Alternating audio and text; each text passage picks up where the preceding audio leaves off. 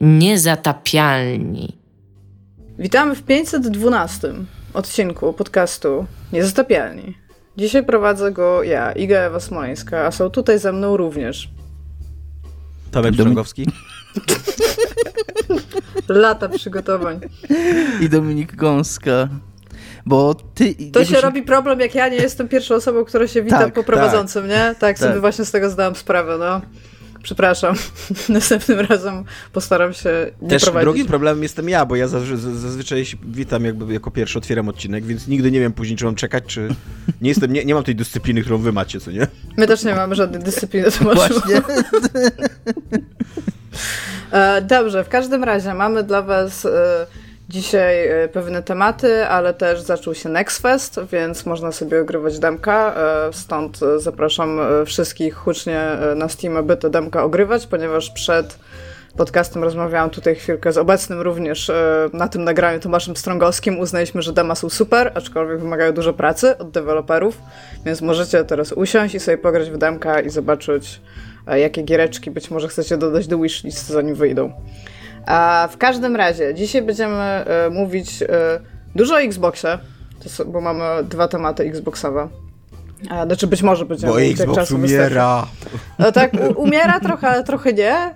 A w każdym razie będziemy mówić... E, oczywiście, że będziemy mówić o zwolnieniach, bo to, się, to, to wciąż jakby się ciągnie. Bo mówimy o Xboxie. Tak, tak. A przy okazji o tym, e, że po... istnieją plotki, w których Xbox chyba nie będzie miał ekskluzywów, że tak powiem. A oprócz tego, oprócz tych dwóch tematów e, i tego, że dema zajmują dużo czasu, e, być może porozmawiamy o tym, jak dużo czasu zajmują remake'i niektórych gier i że zajmują bardzo dużo czasu. I to nam opowie Dominik, ale najpierw bym się chciała zapytać Tomasza, co jest u niego grane, nie grane? Jak tam są masz u ciebie? Yy, u mnie kilka rzeczy się dzieje na raz, bo też myślałem, że ty będziesz miał najpierw coś grane, bo ty masz te dema, co nie z Steama, a więc ja zacznę temat demowy. Yy, ale tak, przede wszystkim, co się u mnie dzieje? U mnie się dzieje kapitalizm, jakby. O kurde, nie, dobra, nie Koń, czy... kończymy temat, urywam się, wjeżdżam do tunelu. nie wiem, czy wiecie, ale w Steamie, Steam ma ten swój tam, tą nakładkę społecznościową, co nie? Którą mhm. dorośli ludzie ignorują, bo są dorośli. Mają 20, 20 e, lat jakby już doświadczenia z tym, że społeczności internetowe to jest bagno, toksyna i w ogóle i tak dalej, nie? Natomiast tam przez te lata, jak pracujecie na tym swoim Steamie, bo wy pracujecie na Steamie, zaraz wam wytłumaczę dlaczego, tam się odkłada wasza pensja. Tam są jakieś karty kolekcjonerskie. I te karty można wystawiać na aukcję. Można. Ja poświęciłem. Ja tak zarabiam pieniądze. No właśnie, ja poświęciłem godzinę swojego życia i wystawiłem te karty na aukcję i mam jakieś 15 zł teraz na tym Steamie. To masz to, bardzo to, dużo pieniędzy. Co mnie wycenia w ogóle, tak? Godzina pracy moja jako, jako senior writera i członka zarządu firmy giereczkowej jest warta 15 zł. Co nie? Ale Steamowych pieniędzy. To jest... Steamowych pieniędzy. Tylko ja bym chciał właśnie, jako kapitalista, ja bym się chciał zapytać naszych słuchaczy jakby, co ja sprzedaję do końca. Bo ja, ja wiesz, ja, ja, czytałem te wszystkie, ja czytałem te wszystkie poradniki jakby biznesowe, co nie wiem, że nie ma darmowych lunchy i że ktoś ukradł mi sery. I jakby ja wiem, że to nie jest tak, że ktoś mi daje te pieniądze za darmo, tylko co to jest za wartość? Ogólnie jest tak, jak grasz w grę na Steamie, to masz określoną, niektóre, nie wszystkie, ale są gry, które mają e, takie jakby całą kolekcję kart, którą możesz zebrać. I, I, kiedy grasz w tą grę i spędzasz w niej czas swój, to niektóre z tych kart, ale nigdy pełen komplet ci wypadną. I są ludzie, którzy zbierają pełne kolekcje tych kart. I co można z nimi zrobić dalej? No, kiedy zamykasz kolekcję, to możesz ją sobie na przykład wyeksponować na swoim profilu Steama. To też dodaje ci dodatkowe punkty do levelu Steama. Teraz zapytasz się mnie, co to jest level Steam. Powiem ci, mam chyba 40, nie mam zielonego pojęcia, po co to jest, ale kiedy kupujesz gry, to dostajesz też te Steam punkty. Za te Steam punkty możesz sobie kupować awatary, mini tła, tła do profilu, e, różnego rodzaju takie gablotki, gdzie możesz sobie pokazywać ludziom, ej, skończyłem tą i tą grę na 100%, albo mam taki achievement w tej grze, co jest dla mnie osobiście ważne na przykład. Więc jeżeli jesteś osobą, która z jakiegoś powodu, patrzy? właśnie, która z jakiegoś powodu wchodzi na profile Steam i jest tak, o, to jest e, coś, e, Jeżeli co, jesteś tą osobą, to jest przede dla mnie wszystkim przemyśl, przemyśl Tak. swoje życie. Jakby. Od tego zacznij. Tak, ale są takie rzeczy. Ja kiedyś stwierdziłam, że ja mam e, bardzo, bardzo dużo tych punktów i zobaczę, za co mogę, co mogę za nie kupić. I mam tak odpicowany ten profil Steama, na który nikt nigdy w życiu nie wszedł i nie wchodzi, że w ogóle po prostu, o, jest pięknie. Ty I też sobie... powinnaś trochę przemyśleć swoje życie. Nie, ale ja, ja w ogóle zrobiłam najlepsze ruchy ever, czyli na przykład wszystkie rzeczy, które mam w tych gablotkach, to są rzeczy na przykład, w które grałam 15 minut i mi się nie podobało, ale mam jeden achievement, więc te, te rzeczy mam eksponowane. więc bardzo, bardzo... Bo ja tam w tak. ogóle miałem z 10, z 10 stron tych, tych kart, co nie się bo tam uzbierało przez całą moją Tak. y, karierę na Steamie, bo tak jak mówię, teraz to jest kariera, teraz to jest praca jakaś. I ja to wszystko wystawiłem na tę aukcję i dostaję teraz non-stop maile, że Steam mi coś sprzedał, co nie? I to jest takie nawet miłe, tam te, endorfinki się wydzielają, co nie, że tam 13 groszy zarobiłeś, 12 groszy, Wow, 8 dużo. groszy. Zwykle właśnie 8. 8 to jest takie... Tak, tak. Ale natomiast ten- mam jedną jakąś taką kartę, która jest w ogóle zafoliowana, mimo że nie istnieje, co nie, to jest To zafoliowana. jest booster chyba, wiesz? Tak. Możesz ją przerobić na dżemy albo sprzedać całość. I ona jest warta jakieś 20 zł. Wystawiłem ją za 20 zł i czekam, aż ktoś to kupi. Bo to już jest 20 zł, to już jest gra. Ale co musisz? To zawsze coś kupię. wystawiać za mniej niż ona jest warta. Tak, tak robię, tak robię. To no. dobrze. Ja też tam byłam, jakby. Ja raz to próbowałem robić, ale chyba nie pamiętam, że mi się udało coś sprzedać. Ale Mój i raz, Bogactwo ci, wiesz, i ra, ale, ale po tym odcinku ucieka. być może to zrobię. I raz faktycznie, bo tam się zbiera te punkty też za kupowanie gier, tak jak Iga mówiła. Tak. I raz sobie kupiłem za te punkty tło do profilu i ikonkę do profilu i czuję się brudny, ale raz to zrobiłem, tak. I Ja nigdy tylko- później na to nie patrzyłem ani Dookoła nic. tego ikonki profilu jeszcze możesz sobie kupić animowaną ramkę. Tak. A, ale co chciałam powiedzieć, e, to ja mam znajomego, który bardzo wiele, wiele set godzin, jeżeli nie tysięcy, wcisnął w Dotę 2. I on sprzedawał itemy i rzeczy związane z Dotą i on normalnie po prostu po tym, jak sobie trochę pograł w tą Dotę, to miał potem pieniądze na to, żeby wydawać na inne gry. Więc jakby da, da, da się w jakiś taki sposób uzależnić od Steama użytkownika, Ale bo to głównie o to chodzi. ma? Jakby... No, No bo- głównie chodzi o to, że w momencie, kiedy zainwestujesz pewne rzeczy już w Steama, między innymi tą godzinę, którą zainwestowałeś i masz te 15 zł z tej godziny i kupisz kolejne rzeczy, na przykład za tytan, to będziesz dłużej siedział na Steamie. Ja nie wiem, czy Steam Aha. to potrzebuje robić, bo jakby jest mało alternatyw, a te, które są, są okropne. Nie to, że Steam jest jakimś fenomenalnym e, aplikacją, jakby programem. A, ale no, wydaje mi się, że to jest głównie lojalnościówka. Ja powiem też, ja mam inne wyjaśnienie tego faktu. Y, istnieją ludzie, i też uważam, że powinni przemyśleć swoje życie, ale istnieje jakiś odsetek ludzi, którzy oglądają te profile i ma to dla nich znaczenie, jak te profile wyglądają. I to jest taki efekt jak w tych wszystkich grach Worldowych i w ogóle tych wszystkich A, grach free to play. I że ktoś Sheet z- zobaczy, z- zobaczy u Igi animowaną ramkę i powie, ja pierdolę, jaka. Przepraszam. Ja pierwszy, Tak jaka, no. fa- jaka fantastyczna animowana ramka, potrzebuję takiej ramki teraz. I, ale nie będzie miał tych punktów, więc zapłaci za tą ramkę. Jakby to jest takie, wiesz, generowanie takiego FOMO, nie? że jaką ty masz ład... jaki ty masz ładny profil, to teraz ja też chcę mieć taki ładny profil. Ja się cieszę, że nie istnieje w e, rzeczywistości, gdzie ci ludzie istnieją, pomimo tego, że statystycznie muszę zakładać, że są. Ale tak, no Tomaszu, czy to ci troszeczkę wyjaśnia? e, Trochę mi tak naświetla, ale jest to dziwne jakby. Biorę w tym Ja- udział znaczy- teraz Tak, jakby to, to, to, co ci teraz wytłumaczyłam, to to tak działa, to nie jest tak, że do końca rozumiem zasadność tego, tak? Może w ten sposób, jakby, ale je, jest, jest, to, jest to rzeczą, tak. Więc, a oprócz kapitalizmu, przeszedłem też delonging. Oprócz tego kapitalizmu to jeszcze w ogóle smutek i samotność, nie? Przeszedłem jakie delonging. zakończenie zrobiłeś? Grałem 27 godzin. Jakby chciałem grać tylko po to, takie jak od początku miałem takie założenie, że doczekam te 400 dni, zobaczę co się dzieje na końcu, nie? To się oczywiście nie to wydarzyło. To się oczywiście nie wydarzyło, bo za... nie, to nie jest najsmutniejsze. Ja ci zaraz opowiem, co tam się może wydarzyć. To się oczywiście nie wydarzyło, bo e, za bardzo polubiłem tego mojego cienia, Marcjanka go nazy... Mar Marcjanek go nazwałem, co nie? No i tam stwierdziłem, że Marcjanek jednak ma pewne ambicje życiowe i będzie próbował się wydostać z tej kopalni, co nie? Czy z tej dziury w ziemi, no tam z tego, nie wiem, no lochu, dungeonu, coś takiego, no właśnie.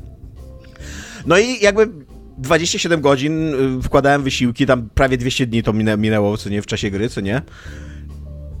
Spadłem z dużej wysokości, rozbiłem sobie głową o kamień i umarłem w kałuży. Centralnie teraz, jak odpalam tą grę, w ogóle uważam, że to jest bardzo odważna, a jednocześnie bardzo ryzykowna decyzja designerska, że jak kończysz tą grę, to ją kończysz, jakby to tam po prostu Tak. odpalasz i masz ekran martwego, nie możesz żadnego od nowa grać, a nic takiego. Znaczy pewnie jak wyczyścisz gdzieś jakieś rejestry i skasujesz save i tak dalej, to będziesz mógł, co nie? Ale tak na takim normalnym poziomie zaangażowania nie możesz. I teraz jak odpalam tą grę, to Marcjanek leży po prostu martwy w kałuży. I, i, i, ma, Ja grałam w tą grę bardzo długo. Jak, jak to zrobiłeś? E, no nie wiem, to były trochę spoilery, co nie? I mam jeszcze taką, e, ta, taką na, taki napis nad ciałkiem y, y, Marcjanka, że ucieczka od, nam, o, ucieczka od samotności zakończyła się e, tragicznie. Dusza zamilkła, utęsknienie dobiegło końca. Jak... Bardzo szanuję tą grę, jakby, ale nie, ja się siadając do niej, nie spodziewałem się tego, że, że wyciągnę taki morał, że trzeba było po prostu siedzieć na dupie i czekać na to, aż twój pan i władca się obudzi i, i zabić sobie wszystkie ambicje, bo na zewnątrz to czeka do ciebie śmierć, kurde, i nieszczęście. I... Znaczy mi się udało y, bardzo, bardzo mocno metodą prób i błędów i tak nie do końca nawet wierzyłam w fakt, że to może zadziałać tak, jak zadziałało, ale mi się udało nim wyjść. Ale No, jest mi nie, bardzo nie. przykro. Jak będę mieć chomika, to nie będziesz go Znaczy, nie, pilnował, nie, jak nie, nie, pojadę na nie, wakacje i popełniłem, nie, popełniłem, nie popełniłem samobójstwa, bo można tam też y, w pewnym momencie popełnić Można, samobójstwo, tak. więc jakby zginąłem w wypadku, to nie była celowa śmierć, jakby ja chciałem No właśnie, żyć. Chcia... Przynajmniej samobójstwo miałoby, miałoby przynajmniej takie znamiona, że to była twoja decyzja. Tak, to wybór Tak. był, no.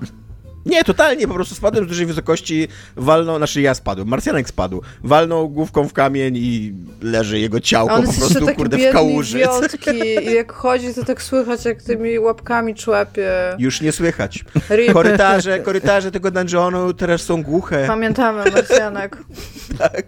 I ten typ tam się obudzi. Nie obudzi się, Nie bo obudzi się, nie bo to ty go musisz obudzić. Tak. A Marcjanek już miał wszystko, już miał własne łóżko, już miał kurde głowę konia w tym w swoim Rysunki pokoiku. miał? Miał rysunki, mnóstwo, narysowałem chyba z 10 wszy, bo on uwielbiał wszy w ogóle. Tak, uwielbia wszy, no. Ulubione zwierzątka, co nie, to są wszy. No i niestety, tak. I trzeba było po prostu, mówię, siedzieć na dupie i czekać, aż, aż szef się obudzi i tyle, co nie? I, a nie realizować Mogłeś jakieś też swoje... tak jak ja błądzić zupełnie bez sensu i być tak, nie będę czytać żadnej solucji, jest, grałam kiedyś w gry, jestem w stanie to ogarnąć. I ma, naprawdę, kurde, ile ja, Ja w pewnym momencie macałam. niestety musiałem sięgnąć do solucji, bo y, grzyb, problem z grzybami, jakby, nie, tak nie, żeby nic nie mówić, nie, ale jest tam A problem z jest grzybami takie, w pewnym jest, to momencie. jest strasznie Ni cholery by nie wpadł, jak to rozwiązać. Ta gra chyba to jakoś sugeruje, ale jeżeli tak, to Jest taki kilka korytarzy, dla mnie. Tak. które ci mówią centralnie o to, tylko że ty jako, ty jako osoba jakby możesz wtedy patrzeć gdzieś indziej, Tak. bo to trwa minion, tak, zanim on tam gdzieś dojdzie. I to jest masakra. I ja chyba tam po 50 razie, jak się czołgałam przez tę jaskinię, to się skumałam, że może to jest podpowiedź po prostu, bo... Tak, Tak, też, no więc- też nie lubiłam tych zagadek z grzybami. Tak. E, a co jest u mnie czytane, to komiks y, Kaczki, Dwa lata na piaskach, y, autorki Kate Beaton. Kaczki, uuu. Czy to jest kaczki? Uuu. Nie jest to komiks o kaczkach w ogóle. Kurde! E, Kaczki tutaj e, z jednej strony pełnią taką rolę metaforyczną.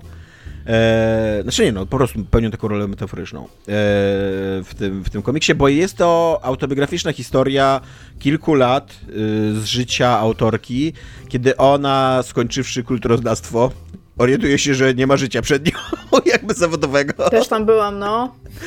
I że musi spłacić kredyt studencki. A ten kredyt Tam studencki jest jakiś, jest jakiś w ogóle bardzo agresywny w jej życiu tam w Kanadzie. Wydawało mi się, że Kanada to jest jakby socjalny mocno kraj i, i że nie ma Który problemu. zabija z... dzieci tubylców, a nie, że jakieś... Ale wiesz, jakby nikt nie jest idealny, co nie? Ale przynajmniej wydawało mi się, że może zabijają dzieci autochtonów, ale e, w zamian dają darmową edukację białym ludziom, co nie? Te, tak szczerze też bym tak pomyślała, nigdy się nie zastanawiałam Tak, okazuje się, że nie, że właśnie Kate Beaton miała dosyć agresywny mm, kredyt studencki, musiała go spłacić dosyć szybko. E, I żeby go spłacić, mm, postanowiła wyjechać e, ze swoich rodzinnych stron e, i przenieść się w, no bardziej na wschód kraju, gdzie prowadzono, oczywiście na ziemiach należących do rdzennej ludzkości, ludności, prowadzono e, wydobycie ropy, co nie? E, I to wydobycie ropy prowadzono właśnie na takich terenach piaskowych i tam jest specjalna technologia, jak się pompuje powietrze pod te piaski po to, żeby ropa jakby się od- podnosiła i że to jest niby bardziej ekologiczne. Tutaj oczywiście w tym komiksie też jest podważana ta ekologiczność, że to jest taki tylko greenwashing, co nie? I właśnie te kaczki są trochę taką, takim symbolem zakłamania tych, tych firm naftowych, bo one i tak umierają, co nie? Te kaczki to są jakieś tam, tam rzadkie przykłady, znaczy rzadkie gatunki właśnie jakichś wędrownych pta, ptactwa i one i tak umierają i nic to nie daje, co nie, że oni niby jakoś bardziej ekologicznie em, e, wydobywają tą ropę. Natomiast to są takie trochę firmy, które działają trochę jak e, platformy wydobywcze na morzu, co nie? To są w, kiepskich, w kiepskim otoczeniu, w kiepskich terenach bardzo, niezamieszkałych, e, takie obozy pracy jakby, yy, które są totalnie odizolowane od świata, nie? Jakby ciężko się tam dostać, to jest trudny klimatycznie te rejon, ciężko się tam dostać, nie ma tam żadnej infrastruktury, więc te firmy po prostu budują całą tą infrastrukturę, a wiadomo, że jak wielka firma naftowa wybuduje ci infrastrukturę, to to będą po prostu smutne baraki i, i bardzo drogi sprzęt, nie do wydobywania, bo sprzęt jest ważniejszy no tak jest. niż ludzie. No, oczywiście, że tak. tak. Więc ona jakby spędziła kilka lat swojego życia w tych smutnych barakach, właśnie w, tym, w, tych, w tych smutnych obozach i ten komiks jest przede wszystkim o tym, jak tam się żyje, E, a że jest to społeczność totalnie zdominowana przez mężczyzn. E, to jest to opowieść bardzo dużym, w bardzo dużej części o tym, jak ta społeczność i jak właśnie te e, takie warunki życia jak kopiują i jakby jeszcze potęgują patriarchalne struktury społeczne i jak ciężko jest być kobietą w, takim, w takich warunkach i jak powszechna jest przemoc seksualna w e, takich okolicznościach. I ona tutaj też pada ofiarą przemocy seksualnej. E, jest dosyć taki ciężki moment w komiksie, nie jakiś, nie jakiś bardzo graficzny, ale i tak no wszedł mi na banie, tam musiałem odłożyć ten komiks na jakieś kilka dni, co nie? Więc jeżeli dla kogoś to są takie triggerujące tematy, to no bo uważajcie, albo, albo nie sięgajcie po ten komiks, nie? E, natomiast jest to taka tak, taka historia tego, jak potrafimy sobie y, stworzyć warunki, w których nie da się żyć, tak naprawdę, co nie? I y, tak wyinżynierować społeczności, które po prostu po prostu nie działają, co nie? I, i krzywdzą, jakby, jakby i opierają się w dużej mierze na dyskryminacji i krzywdzie ale to wszystko nie ma znaczenia, bo kurwa ropa, co nie, bo zysk, bo, bo trzeba kopać i to, że właśnie to, że tam rdzenna ludność na tym traci, to, że te kaczki umierają, na, to, to wszystko nie ma znaczenia, trzeba, trzeba, trzeba zdobywać ropę, co nie, to jest najważniejsze. I ona też y, pokazuje, jak te firmy ignorują wszystkie tak naprawdę swoje własne kampanie, ale wiesz, każda korporacja ma swoją własną kampanię, mm. jak to kurde, równość, bezpieczeństwo pracy, zgłoś się do nas, jeżeli cokolwiek się zdarzy i tak dalej.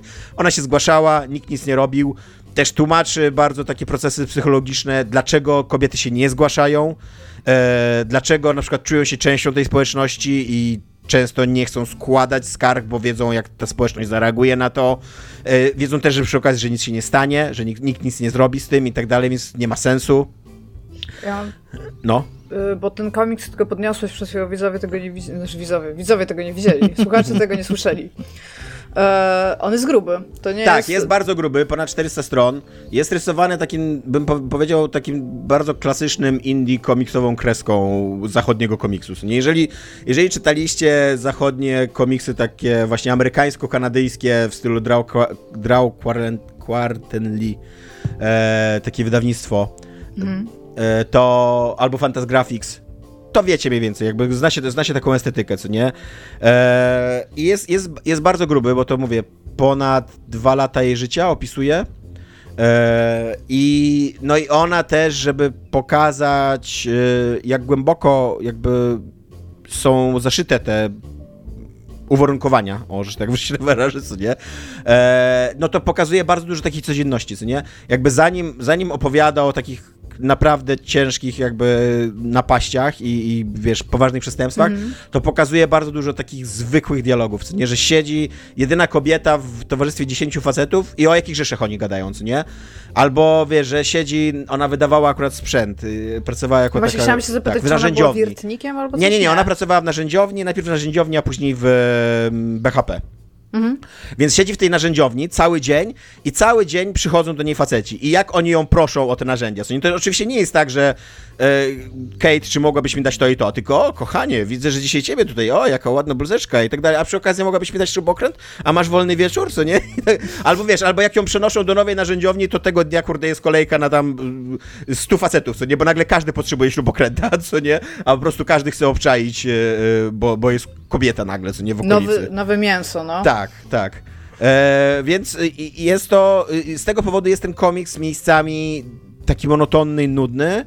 To jest zamierzone, aczkolwiek wciąż jest to monotonne i nudne, więc jakby nie wiem, czy to jest wielki sukces artystyczny, co nie.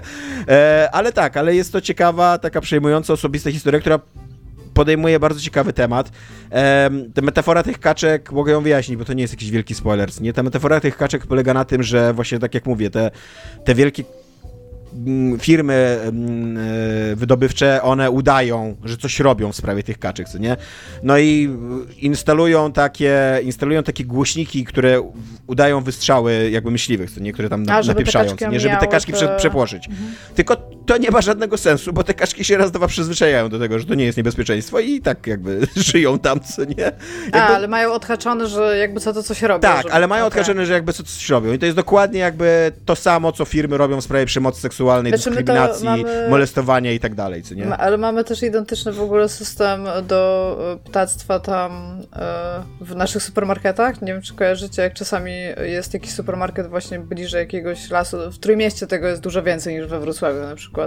To się wchodzi i są takie dźwięki ptactwa drapieżnego, żeby właśnie tak. gołębie i wszystko ten i wszystkie ptaki to mają w centralnie chciałam centrum, powiedzieć w dupie, ale uwagi nigdy na coś takiego. Nie, e, centrum handlowe Manhattan, w samym centrum Ta, Wrzeszczu. Miała kiedyś takiego, nie wiem czy nadal ma, takiego jastrzębia co jakiś czas. Taki... to jest właśnie wow. po to, żeby odstraszyć ptactwo, ale ptactwo ma to w klacu. No. Wow. Z e, zakładam nowy kącik i zatopianie udają dzikie ptaki. Był to swego czasu bardzo głośny komiks. On był chyba nawet nominowany do nagrody Eisnera, czyli naj, najważniejszej nagrody. Chyba, nie jestem pewien, jakby tutaj trochę fantazuję. E, ale był na pewno bardzo głośny i wyszedł po polsku, w, wydała go e, Kultura Gniewu. Bardzo dobre tłumaczenie Ady Zano, jeżeli się nie jeżeli dobrze pamiętam nazwisko tej, tej tłumaczki. Jest bardzo takie, tak, Agazano, przepraszam, nie Ada. Agazano. Jest bardzo takie żywe, taki fajny, jakby codzienny, potoczny język, co nie widać, że to są tacy zwykli, zwykli ludzie, którzy po prostu rozmawiają ze sobą w pracy, co nie, i, i, i e, nie ma żadnej sztuczności. I jakbyście, jakby podejrzewam, że to będzie jakiś klasyk komiksu niezależnego tam, co nie? Mówię. No tak trochę brzmi, szczególnie, że ma też tak. 400 kilka stron i jak Tomek pokazywał nam kadry, to to nie jest tak, że to jest jeden wielki kadr na stronę, tak y, mangowo, tylko to jest taki tak, szybki tak. rytm, bardzo wiele kadrów, jedno obok drugiego. Mnie, ja, ja, go, ja go jak bardzo cenię, nie do końca mnie kupił, bo mówię, jest dosyć monotonny i nudnawy miejscami. Ale, ale tak, ale chyba polecam, tak mi się wydaje. Na pewno jest na pewno mówi coś ważnego i mówi bardzo umiejętnie to coś ważnego, co nie? E, bo właśnie też, no, nie traktuje tego tematu tak powierzchownie, tylko tam ta Kate Beaton jakby tłumaczy na własnym przykładzie i jakby właśnie ilustrując je, a nie dając wykład, dosyć skomplikowane mm, procesy. Co nie? Ona też mówi, że ci mężczyźni w normalnych warunkach zachowywaliby się zupełnie inaczej. Co nie? To są, to są, to jest inżynieria społeczna, co nie? To, że istnieją te takie osady i tam nie ma, no, to, to nie jest normalna społeczność, to nie są normalne warunki, co nie? I tym bardziej ktoś powinien uważać na to, jak tam wygląda no tak. życie, co nie? A nikt tego nie robi. Co nie? No, więc to jest grane u mnie. Dzięki. Jednak sobie zostawię to demo, jak ty będziesz mówił o demkach. Dobra. Myślę, że to nie ma sensu, żebyśmy teraz zaczynali. Dobra, ale powiem wam, od co teraz zaczniemy. Zaczniemy teraz spekulację na temat tego, co się dzieje w Xboxie. I nie będę tu mówić na razie o zwolnieniach. Zwolnienia zostawimy na, na deserek, że tak powiem. A istnieją plotki. Plotki, które e, rozpoczął pewien e, analityk e, rynkowy, które mówią o tym, a za, zaraz jakby się dużo więcej jakby serwisów e, odezwało, które mają swoje źródła w samym Microsoftie, które mówią o tym, że istnieje duże prawdopodobieństwo, wciąż to są plotki, e, że Xbox może e, zrzec się, że tak powiem, ekskluzywności pewnych swoich tytułów i zacząć wydawać je multiplatformowo, ze względu na to, żeby móc tak naprawdę troszeczkę więcej zarobić na rzeczach, które niekoniecznie e, sprzedadzą się tak dobrze na samym Xboxie. To być może, w sensie jak na razie to są plotki odnośnie do e, poszczególnych tytułów, ale istnieje też spekulacja, że być może, i trochę nie wiem jakby to miało działać tak technicznie, że być może chcieliby rozszerzyć wpływ Game Passa na inne platformy. I teraz plotki, o których mówię, jeżeli chodzi o to, żeby wydać coś na e, jakby na inne platformy, tutaj głównie PlayStation, tak? No bo jakby trzeba pamiętać, znaczy, że Xbox to, że... i PC...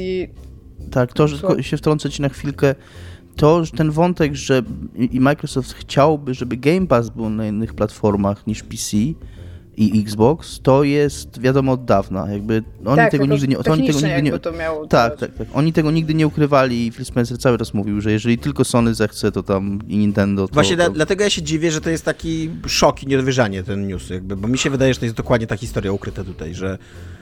Znaczy, co, bo może tak, tylko że jakby to są takie jakby dwa wątki moim zdaniem, bo masz, jeżeli Game Pass ma być na innych platformach, to jakby okej, okay, wciąż wszystkie te pieniądze jakby pieniądze, nie pieniądze, wszystko jakby jest bardzo dookoła serwisu, który jest jednak wciąż będzie się pewnie nazywał Xbox Game Pass, tak? Tylko będziesz go miał na PlayStation.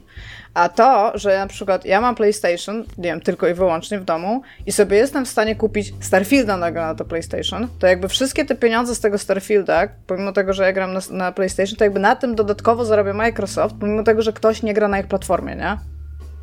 Tak, ale jakby... na tym też zarabia PlayStation, co nie? To jest problem. No pewnie tak. Znaczy, 50% ma, tak. To jest problem. No, no to jest problem Microsoftu, co nie? Że sprzedają, tak, tak. sprzedają swój towar na nie swoim sklepie, co nie? Tak, tak. Za zaczęło się w ogóle... Przepraszam, no. E, no właśnie ja, znaczy tak mi się wydaje, te przy okazji od razu musimy powiedzieć, że my tu będziemy tylko spekulować i plotkować, co będzie o tyle problematyczne, że ten odcinek bardzo szybko się tak. zdezaktualizuje, bo w tym tygodniu będzie konferencja Phila Spencera, gdzie on chyba jakoś wytłumaczy, o co mu chodzi, więc wy to przesłuchacie w poniedziałek, nasze spekulacje, we wtorek Phil Spencer powie, że jesteśmy głupi. Nie, ale czekajcie, czekajcie, ale wszystko, co trafimy, wszystko, co trafimy tak. w tych spekulacjach, to słyszeliście u nas. Cała reszta to są spekulacje i być może nam nie wyszło, ale to, co trafiliśmy, to totalnie, totalnie to przemyśleliśmy i tak chcieliśmy. I tak, jakby to się łączy w jakąś większą całość, przynajmniej dla mnie. No nie? Jakby Phil Spencer bardzo wyraźnie powiedział, dlaczego nie ma szansy wygrać wojny konsol, że tą generację, kiedy ludzie tworzyli sobie ekosystem, co nie, jakby giereczkowy, Microsoft przegrał po prostu, czyli poprzednią generację. E, I e, no i teraz za dużo, jakby za dużo jest fanbaza, za dużo jest y, rynek PlayStationowy, za mały jest rynek Xboxowy i po prostu nie wydarzy się jakiś tutaj jest, rewolucja w tej sprawie, bo ludzie tutaj, są zbyt przywiązani do tego. Jest nie? tutaj ciekawy wątek, który gdzieś tam mi, mi mignął, że tak naprawdę od wielu, wielu lat, chyba od dwóch generacji, czy nawet więcej, baza użytkowników konsol się nie zwiększa. To znaczy ta suma, do której się tam, to PlayStation może się sprzedać nie wiadomo jak dobrze, ale ono się sprzeda tam 120 milionów, 140 milionów i w tym momencie stanie. I nic nie wskazuje na to, żeby, żeby to jest taka trochę gra o sumie zerowej w tym momencie. Jakby Microsoft może robić, stawać na głowie i robić wszystko, ale jakby ta, ta pula ludzi, którzy są w stanie kupić konsolę, jakby ona jest ograniczona i nic nie wskazuje na to, żeby miała się jakoś drastycznie zwiększyć, więc oni trochę muszą, muszą szukać właśnie tych, tych graczy poza swoim No właśnie, no i jeżeli chcą ich szukać, to chcą właśnie moim zdaniem rozszerzać Game Passa i wprowadzić, tak jak, tak jak Dominik już zwrócił uwagę, Phil Spencer o tym mówił otwarcie, dlatego ja nie do końca rozumiem skąd teraz taka sensacja, że, że on by chciał koniec końców widzieć Game Passa na Switchu i Game Passa na PlayStation A to i tak się dalej. Xbox Game Pass PlayStation? o co chcę, ja mam do was pytanie, co jeśli do PlayStation 5 byłby dodawany Xbox? Co wtedy? Słucham, Dominik. No nie no, Być może jestem jakimś geniuszem marketingu, tylko jeszcze no, o tym nie wiem. To byłaby taka bardzo, bardzo subsydiowana, jak ktoś mówi po polsku, do, do, dofinansowywana sprzedaż. Ja tylko jeszcze chciałem, bo to chciałem wtrącić na początku, tak dla, dla, dla jasności, że też nie do końca, tutaj są różne wersje tej historii, więc tak jak powiedział Tomek, to się wszystko może w ogóle okazać, że jest pięć różnych, jest zupełnie inaczej to wszystko, bo to się wszystko zaczęło od dwóch gier tak naprawdę. Od Hi-Fi Rush i, i Sea of Thieves. I te tak. dwie gry jakby nikt by nie mrugnął okiem, gdyby to chodziło o te gry. Hi-Fi Rush od początku jest takim trochę underdogiem, taką trochę grą znikąd i jakby ona od początku była taka mocno switchowa też w tonie, w tym jak ona wygląda, jak ona działa. Ten Sea of Thieves to już tym bardziej, bo to jest taka gra, usługa online, wiadomo, że tu chodzi o społeczność, że im więcej ludzi, tym lepiej. Ale potem pojawiły się mm, plotki, że właśnie, że wszystkie gry. Że Znaczy Starfield, nie, potem się pojawiło plotki, że Starfield i Indiana Jones. i Indiana Jones. No Tak, ale to, to są wszystkie kolejne no, dwie, tak, No ale to są po- wszystkie gry w tym momencie. W tym momencie tak. to są wszystkie gry, jakie Microsoft ma zapowiedziane. Nie, tu, ja tutaj mam jeszcze... Jeszcze e, Hellblade. Doom Year Zero, Microsoft Flight Simulator, to mnie strasznie śmieszy, że jakby wyszedł na PlayStation. E, Ha- Halo Infinite, e, Pentiment I że Gears of War nawet. i Grounded. Tak, więc i, i to się, ta, ta, ta, ten zakres się zwiększa i cholera wie, co to będzie. Czy to będzie Game Pass, czy to będą pojedyncze gry, czy to będzie... Co to tak naprawdę, w jaki Ale sposób to... kumacie w ogóle Microsoft Flight Simulator na Switcha. Znaczy, to się nie wydarzy. No nie, to w ogóle ja nawet nie wiem, czy to jest, czy technicznie, fizycznie Technicznie jesteśmy nie w jest stanie możliwe. odpalić Flight Simulatora na Switchu, nie? Nie, nie jesteśmy, ale jesteśmy w stanie na Switchu streamować gry i to Tak. akurat, i tutaj akurat Game Pass byłby super dla i dla Microsoftu i dla Nintendo tak naprawdę. Dla PlayStation. Nie, no mówię o Switchu właśnie. A, okej, Ja- ja... powiedziałeś, że super byłby... A, dla Microsoftu i dla Nintendo, dobra. Że, bo, bo Switch akurat bardzo wielu gier y, AAA No nie tej generacji tak. nie odpala.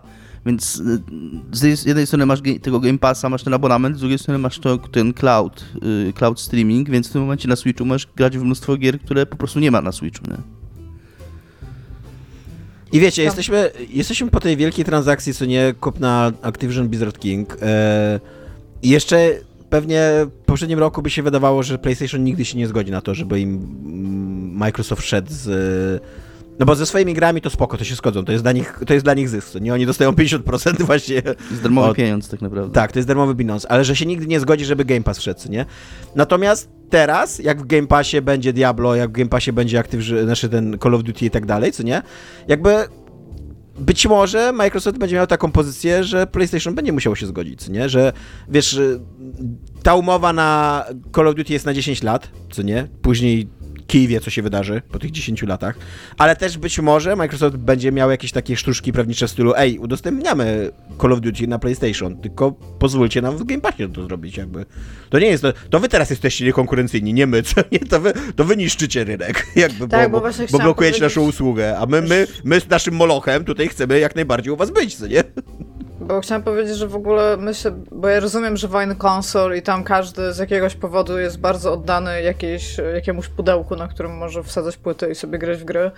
Ale na sam koniec dnia, jeżeli te, jeżeli te rynki, znaczy jeżeli rynek Microsoftu i rynek Sony by jednak miało więcej części wspólnych, to odbiorca miałby lepiej, tak? W sensie nie trzeba by było tak bardzo wybierać pomiędzy tymi systemami, a, a Game Pass myślę, że dla ludzi z PlayStation byłby bardzo okej. Z tym, że czy Sony wtedy nie straciłoby PlayStation Plus, nie? Bo jeżeli byś miał Game Passa na, na, na konsoli Sony, no to bardzo głupio byłoby... To mógłby być też... Boże, y, uchowaj, żeby jakaś konkurencja była, co nie? To Nie, może- masakra. To może też być i, i Game Pass na innych warunkach. Tak Ten Tak, bo ja tak się w ogóle też zastanawiam, że e, G- Game Pass, jakby, jak masz Game Pass Ultimate, to możesz sobie grać tam online, nie? Ale w Sony musiałbyś i tak i tak mieć tego Game jak to się nie, PlayStation Plus, żeby móc grać online na grach z Game Passa, nie? Więc musiałbyś Wydaje mi, się, dwie rzeczy. wydaje mi się, że to może być, teraz to wymyśliłem, to o, może super, być dajesz. y, to może być Game Pass ograniczony do gier first party Microsoftu. Czyli Może taki tak. Tak być, no. to Microsoft Game Pass i nie będzie tam tego w tej, tej całej biblioteki gier first party, które tych wszystkich indyków, tych wszystkich gier ten, tylko tam będą konkretnie rzeczy Microsoftu po prostu. Pewnie tak, I będzie to kosztować-.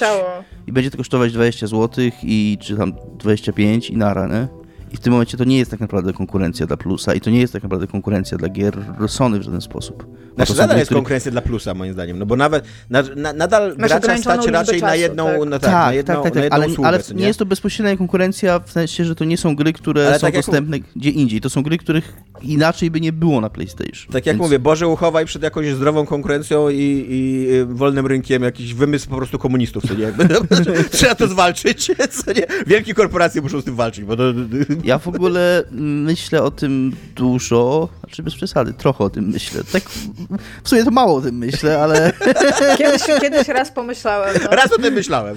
może dwa, no, ale że fajnie by było... Ile myślenia to jest dużo tak naprawdę, no? To jest bardzo... 400, już ustaliliśmy, że, Że- to jest dużo, że właśnie 400 to jest dużo. Zbliżamy się do takiej sytuacji, jak patrzycie na to, jak się różni Switch od Xboxa i PlayStation, że teraz nagle zrobi się taka różnica pomiędzy Xboxem a PlayStation, że troszkę fajna by była sytuacja, w której na wszystkich konsolach mamy pi razy oko te same gry, że już nie ma ekskluzywów tak naprawdę. Jeżeli są to jakieś konkretnie pojedyncze, które naprawdę wymagają konkretnie jakiejś technologii, która jest w danej konsoli i wybieramy konsolę nie dlatego, że jej producent bierze za zakładnika jakąś grę, na której, nas, na której nam zależy, tylko wybieramy dlatego, że konkretne rozwiązania technologiczne, konkretny ten sprzęt nam się podoba, jak on działa, jak na przykład, nie wiem, jak ktoś jak lubi pad jak, ktoś, jak wygląda, jak ktoś może powiedzieć, że te funkcje pada do PlayStation są super i to go przekonuje i to jest ok, nie?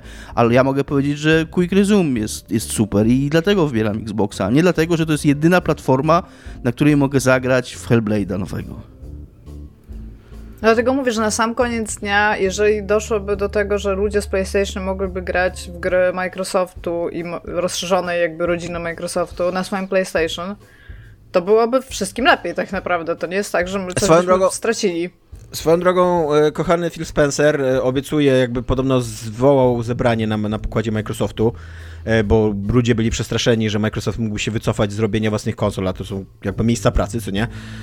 I powiedział, jakby zapew... w konsolach. zapewnił, tak, zapewnił, że, że Microsoft nie chce się wycofywać z produkcji konsol, że jakby nadal chce produkować konsole.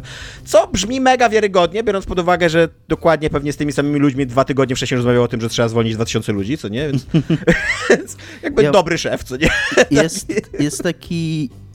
Jakaś, jeszcze jedna warstwa tych plotek, e, która, z której zdaje się wynikać, że Phil Spencer trochę traci kontrolę nad, e, nad losem Xboxa. Znaczy nie w tym sensie, że, że mm, jakoś przestaje, że mu się to z rąk wymyka, tylko że to Nadella mm, jakby go za niego zdecydował. Nadpisuje, Nadpisuje tak. tak jakby, tak, co chciałem powiedzieć, ale to nie ma sensu po polsku, no ale że go, yy, że, że to, jest, to jest decyzja z góry, że, że Phil Spencer nie chciał tego. Jak powiedziałeś, że traci kontrolę, to jest takie wyobrażenie losing control Phil Spencer i że tak będzie coraz bardziej unhinged. I że to może sugerować, że czeka zmiana go, że, że, no, że, że go że, wyleją. Że, że go wyleją, że go zastąpią, bo... Oj, to się nie spodoba ludzikom, tak To drogą. się ludzikom nie spodoba, podoba, ale takie plotki też są. I ja lubię Phila Spencera jako istotę ludzką, a przynajmniej jako to, co on na zewnątrz światu daje jako istota ludzka, jako ta jego projekcja marketingowa, którą, z którą mamy do czynienia, bo nie znam go osobiście i nigdy go nie poznam osobiście. Natomiast trochę też do mnie przemawia to, gdzieś coś takiego ostatnio czytałem, że on jest 10 lat już na, mm, na stanowisku szefa Xboxa i tak naprawdę... Głowa Xboxa jako głowa Xboxa. I tak naprawdę nie ma na koncie, on nie dowiózł, niczego nie dowiózł tak naprawdę. Poza Game Passem, który jest super i każdy go kocha. No nie no, dowiózł teraz Activision Blizzard King. Do, no, no tak, ale jakby... To jest gigantyczna transakcja i wiesz... To z punktu widzenia Microsoftu, ja mówię tak z punktu widzenia odbiorcy. Zobaczymy, co z tej, co z tej akwizycji wyniknie, nie? E, ale tak naprawdę wszystko, co się wydarzyło za Phila Spencera, jeżeli chodzi o gry, tak, sprzedaż konsol Xboxów jest na poziomie Xboxa One. I to w, sum, w Series S i Series X łącznie. Więc za, żaden postęp niby, wiecie, niby taka perspektywa mm, wizerunkowa jest, że Microsoft sobie o tyle lepiej radzi teraz, bo, te konsole, bo, bo jest Phil Spencer, bo jakby nie ma Kinecta i tak dalej, ale to się nie sprzedaje wcale lepiej. Wszystkie gry ze studiów, które Microsoft kupił, które wyszły po, tej akwizy- po tych akwizycjach okazały się, no nie dowiozły. Ani tak, Redfall to nie ma o czym mówić w ogóle, ale Starfield też, też nie był jakimś Nie wiadomo. Sukcesem. Jakby, ja się nie zgadzam tutaj, muszę postawić weto. Nie wiadomo, jak sobie poradził, nie wiadomo, jakimi metrykami to liczyć, nie? Starfield w ciągu trzech pierwszych miesięcy w Starfielda zagrało 13 milionów ludzi. To jest bardzo dobry start dla gry AAA. Bardzo, co nie? No. Ale natomiast ile to jest warte w czasach Game Passa? Ciężko powiedzieć. Jakby to, wie, to wiedzą tylko właśnie ludzie pokroju Phila Spencera, którzy mają chyba jakieś wewnętrz Game korporacyjne, Pass, coś tam, co nie? Wzrost subskrypcji Game Passa też wyhamował po pandemii. Mm, I, I, już nie ma takiego wzrostu. Tam wiadomo, że tym filmom chodzi o wzrost. I no nie wiem, no jakoś nie. Jakkolwiek, przy całej mojej sympatii dla Phila Spencera widzę dużo argumentów za tym, że, że to jest być może czas na zmianę, tak? Że no, nie jest tak, że, że Microsoft ma teraz jakąś super rewelacyjną pozycję, poza, pomijając sukces Game Passa, ale który też my nie, zna, nie znamy z jego skali tak naprawdę. Tak, też nie wiemy, czy to jest sukces, nie? Jakby Nie wiemy, w jakiej, w jakiej perspektywie czasowej oni to liczą, jakie mają Tak. cele i tak dalej, No przede wszystkim celem na pewno jest wzrost i, i wiadomo jest, że ten wzrost y, wyhamował bardzo mocno. Natomiast, natomiast ja, jak sobie czytałem em, tekst na Game Industry, to e, miałem taką trochę apokaliptyczną wizję, wiecie, jak, jak wielkie korporacje traktują czasem takie wielkie inwestycje, które się po prostu nie udały, co nie? Na przykład, co robi Google z takimi rzeczami, co nie? No akurat... Google Ma- no, wprowadza- ma- Great question, here's the t-shirt, zamykają z- to. Tak, no właśnie. I teraz wyobraźcie sobie, wiesz, jakby Microsoft wchodzi w jakoś taką, taki long game, co nie? Kupują Zenimax, kupują Activision Blizzard King, stawiają na Game Passa, mają pewną strategię właśnie rozszerzenia swojej bazy userów poprzez kolonizację, powiedzmy, PlayStation, Switcha i, i, i, i tak dalej, co nie?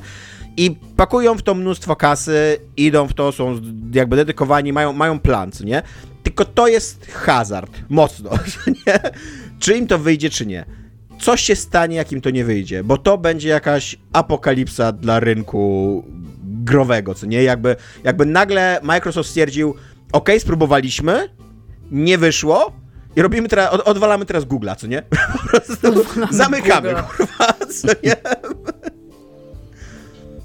Mm, Wydaje mi się, że tak, znaczy to byłoby, na pewno by się działo. Mm, Wydaje mi się, że Microsoft jest na tyle, na tyle dużą firmą, że coś by wymyślili, żeby jakoś ludzi wyprowadzić z tego. No ale na pewno nie byłoby to przyjemne. Bo jakby taka sytuacja, że nagle zamykają w ogóle sklepy cyfrowe Xboxów i nagle ten, czegoś takiego nie było jeszcze w historii chyba. No bo były, kon, były konsole. Wii U? No tak, ale kiedy? Chyba sklepy cały czas działają, chyba cały czas można ściągać gry, te, które się Nie. kupiło, nie? Tylko nie można kupować Wydaje mi nowych. się, że już jest całkowicie zamknięte wszystko. I łącznie z Mi Plaza. Na 3DS-a już też nie można, co nie?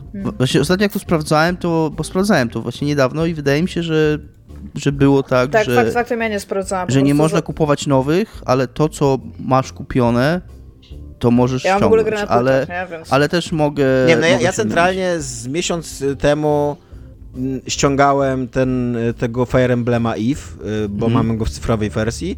I centralnie dlatego, że przeczytałem jakiś artykuł, może- że musi, musisz Znaczy, ściągnąć 3DS jest swoje rzeczy, bo tak, bo out, zamykają tak. sklep, co nie? No tak, ale też y, tutaj troszkę... wz- Znaczy to jest trochę inna sytuacja, Trochę bo ta konsola sytuacja. była mega długo na rynku i ma już swoich... E...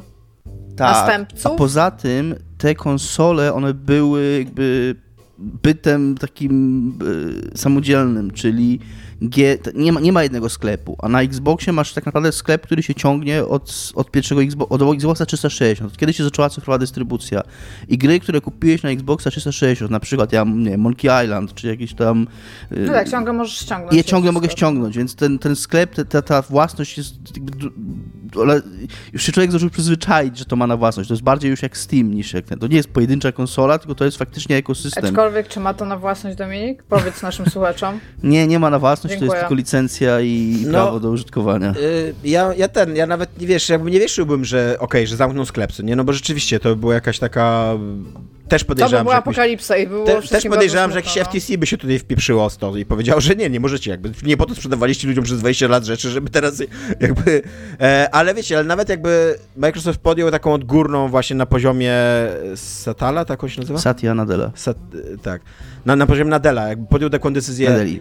próbowaliśmy i jednak nam nie wychodzi, jakby, co nie, bo przy okazji już w zeszłym roku były takie plotki, że ta wierchuszka Microsoftu jest trochę nieufna wobec Xboxa, że tam nie ma takich pieniędzy, jak się spodziewali, że nie ma tego rozwoju, którego się spodziewali i tak dalej, co nie. I wiecie, i, i nagle mówią, próbowaliśmy, nie wyszło, co nie, sprzedajemy, co się da, resztę zamykamy.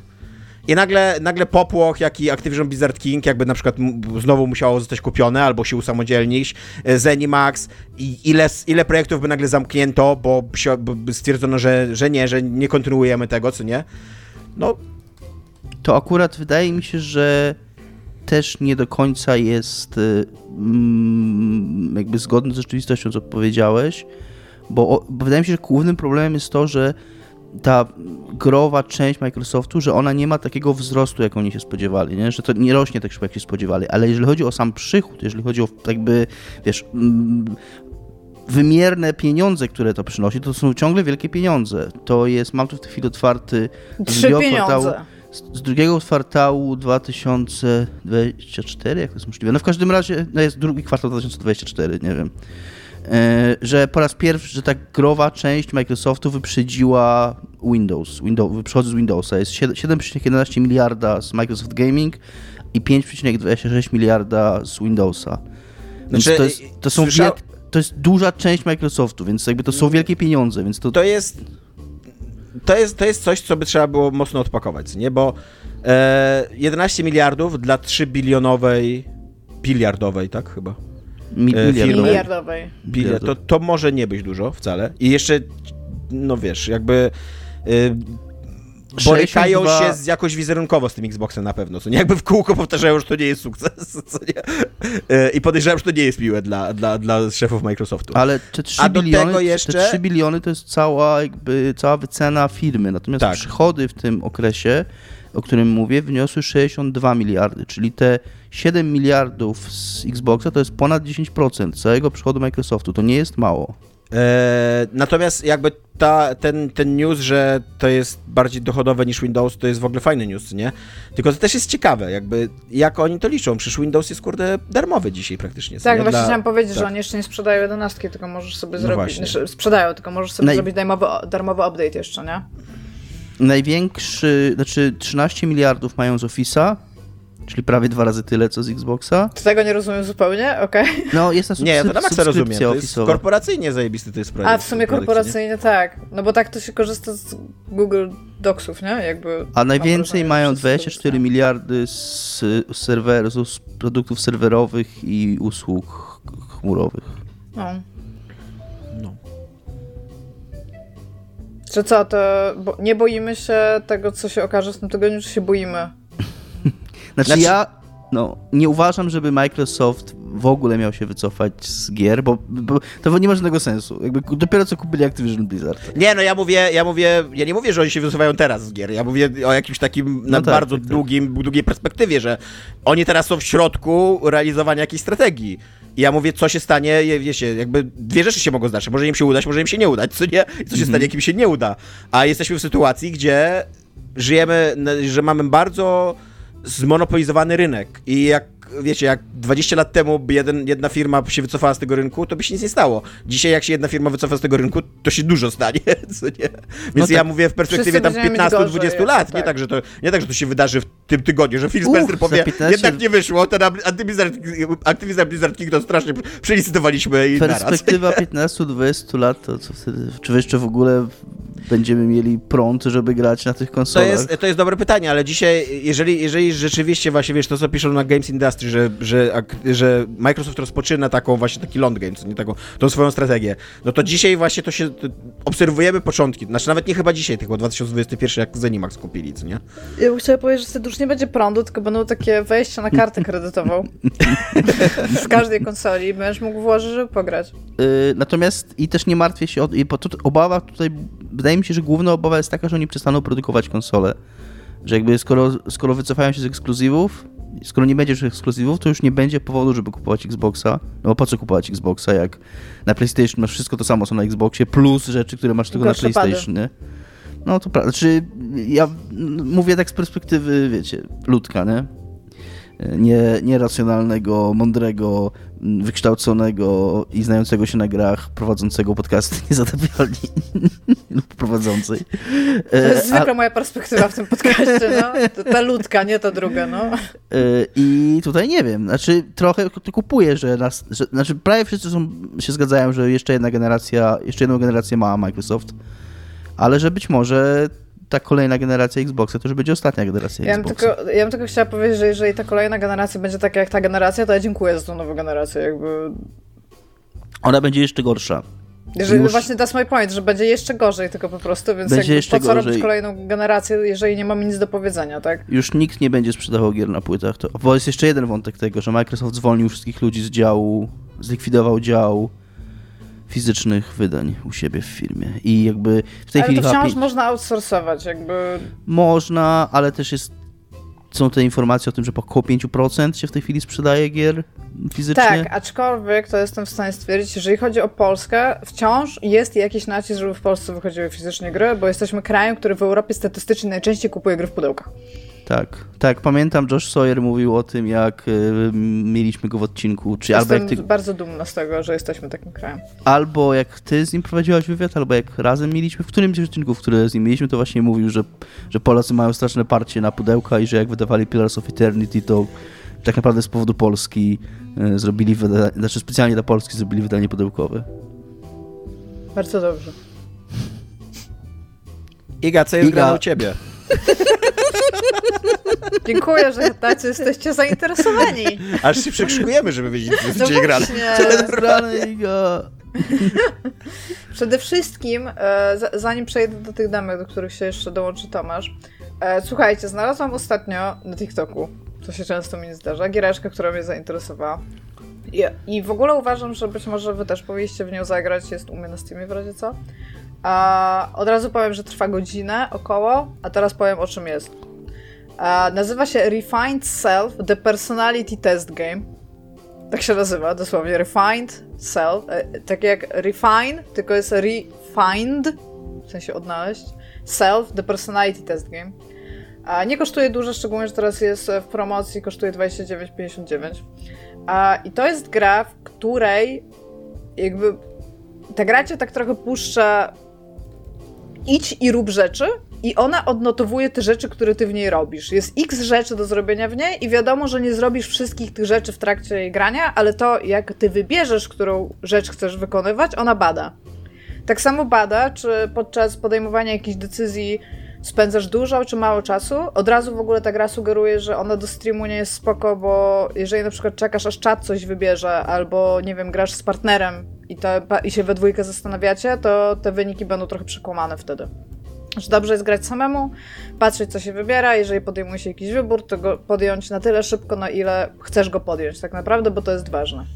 I teraz tak, e, jesteśmy takim androidem, robotem, każdym razie mamy na pewno jakąś inteligencję taką już emocjonalną trochę, a jesteśmy samowystarczalni i nie potrzebujemy prądu, bo mamy taką, e, po, takie pokrętło, jak takie laleczki i zabawki, co się nakręca. Takie, taki kluczyk jak do pozytywki w grach bardzo często jest taki z dwoma takimi kółkami, nie? E, Wsadzony w plecy i kiedy chodzimy, to on się kręci. No i jakby e, gra zaczyna się od faktu, że stoimy e, przy grobie do, doktor, się ta postać po prostu nazywa. I to jest kobieta, ten doktor, e, która już nie żyje, bo jest jej grób. I ona nas stworzyła. Nie będę mówić, dlaczego nas stworzyła, jaki był nasz cel, bo to można odkryć jakby podczas grania w tą grę. Natomiast zaraz potem mamy iść i robić rzeczy. I centralnie wszystko, co robicie i w jakiej kolejności robicie, ta gra bada i, z- i zbiera takie punkciki na temat e, tego, jaki macie jakby przewodzący, nie wiem, nie wiem jak to powiedzieć, taki główny jakby system charakteru i jakie tam dwa takie nie, nie, nie ogólne, tylko takie doszczegółowujące, że na przykład możecie być jakimś rodzajem lidera, ale takim, który bardziej stawia na morale niż e, tam nie wiem, emocjonalne rzeczy, takie stricte jakby empatyczne, nie? I w związku z tym, jakby przez tą godzinę ona bada wszystkie twoje akcje i na samym końcu mówi ci, co zrobiłeś, w jakim w jakiej kolejności, ile czasu ci zajęło i przy okazji daje ci też y, procentową, w sensie odsetek ludzi, którzy zrobili tak samo jak ty. Więc możesz sobie siebie porównać w związku, z, znaczy w stosunku do wszystkich ludzi, którzy grają w tą grę. Ona od razu powiem, że ma dużo więcej niż, niż 100 recenzji na Steamie. No, A są bardzo pozytywne. E, Wyszła na końcu zeszłego roku i moim zdaniem jest to ciekawy eksperyment, aczkolwiek i właśnie dlatego bym może chciała, żebyście w to zagrali, żebyśmy o tym może tam porozmawiali. E, Mam wrażenie, znaczy ja byłam zadowolona ze swoich wyników, o może tak powiem. E, Dałam ją e, mojemu dobremu przyjacielowi, żeby też w nią zagrał. On miał troszeczkę inne rzeczy i z jego wynikami jakby nie, nie wiem, co zrobił, żeby mieć takie wyniki. Nie jestem pewna ich zasadności. O, Ale byłaś zadowolona ze swoich wyników, to znaczy co? Co ci ta gra powiedziała o tobie? E, nie chcę, w sensie, wiesz co, jeżeli będę mówić, co mi powiedziała, to mam wrażenie, że ludzie, którzy chcieliby w nią zagrać, będą się tym nie chcę Bo powiedzieć, jak nie co ta powiesz, gra to ja w ogóle nie dopóki... wiem, co właśnie, co, o co chodzi No to jeżeli wy nie zagracie, to ja nie jestem w stanie z wami o tym porozmawiać jakby na antenie, o w ten sposób, a jeżeli ja powiem takie rzeczy, które ta gra mi powiedziała, to będzie automatycznie wskazówka do tego, jak grać dla innych, jeżeli chcieliby w nią Mhm. zagrać, więc wolałabym to, tego uniknąć i raczej zwrócić bardziej na nią uwagę. Ja mogę powiedzieć, że ona ocenia takich... E, jak macie, nie wiem jak się nazywa taki wykres, że to jest taka gwiazda pięcio, e, pięcioboczna, Mieć ramienna. foremna. Tak, tu, nie, nie, nie, taki, to się nazywa gwiazda rosyjska chyba w A, Pięciobok chodzi chyba, co? Po prostu. Taki pięciobok, tak, ale i on ma w środku taki zapełniający się e, od boku do boku jakby pole. I to pokazuje w jakich ty, w tych pięciu jakby rzeczach, w jaki sposób ty e, się rozwijałeś. Czyli im więcej masz czegoś, tym masz bardziej to pole jakby zapełnione z tej strony, nie? Więc ona bada pewne rzeczy, o których cię informuje. Jeżeli zrobiłeś coś, to ona ci mówi automatycznie u góry. Na przykład, nie wiem, no nie ma takiej sytuacji w tej grze, ale kopnąłeś psa, tak? I tam jakby postanowiłeś kopnąć psa. Tak? Pierwsza rzecz, którą zrobiłeś, to kopnąłeś psa. Plus 5 do psychopaty, na przykład ci pokazuje, tak? Nie ma takiego też, jakby.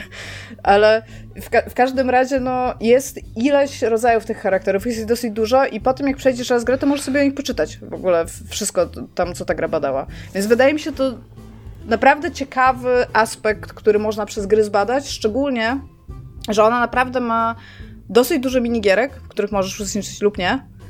E, To, czy w nich uczestniczysz, czy nie, ale na przykład, jeżeli cię coś zainteresowało, kliknąłeś i powiedziałeś, że nie, po tym jak przeczytałeś prompt, czy chcesz pograć, to też często bierze pod uwagę. Czyli na przykład podszedłeś do czegoś, zobaczyłeś, stwierdziłeś, że nie.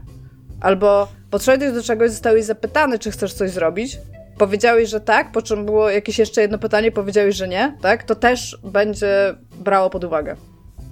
Więc moim zdaniem jest to ciekawe i jeżeli macie 30 zł i chcecie sobie spędzić godzinę na jakiejś analizie swojego własnego postępowania i to, w którą stronę pójdziecie i w jaki sposób będziecie robić rzeczy, to jest to fan, szczególnie jeżeli macie kolegę lub koleżankę, który też to pogra, bo wtedy możecie porozmawiać, co robiliście w tej grze. To, co robi ta gra i czego do końca nie rozumiem, to jest, ona sugeruje, żeby zagrać w tą grę jeszcze raz, potem jak już wiesz, jak w nią grać jakby, jak już widzieli rzeczy. I wtedy ona robi analizę dwóch twoich przejść i na tej poziomie też cię ewoluuje. Tego jeszcze nie zrobiłam. Więc może to też jest jakiś tam sposób ciekawy, że skoro już wiesz, jakie rzeczy mogłeś zrobić, na przykład teraz grasz zupełnie inaczej i wtedy też to coś znaczy, nie? Bo to jest ten test psychologiczny negatywny.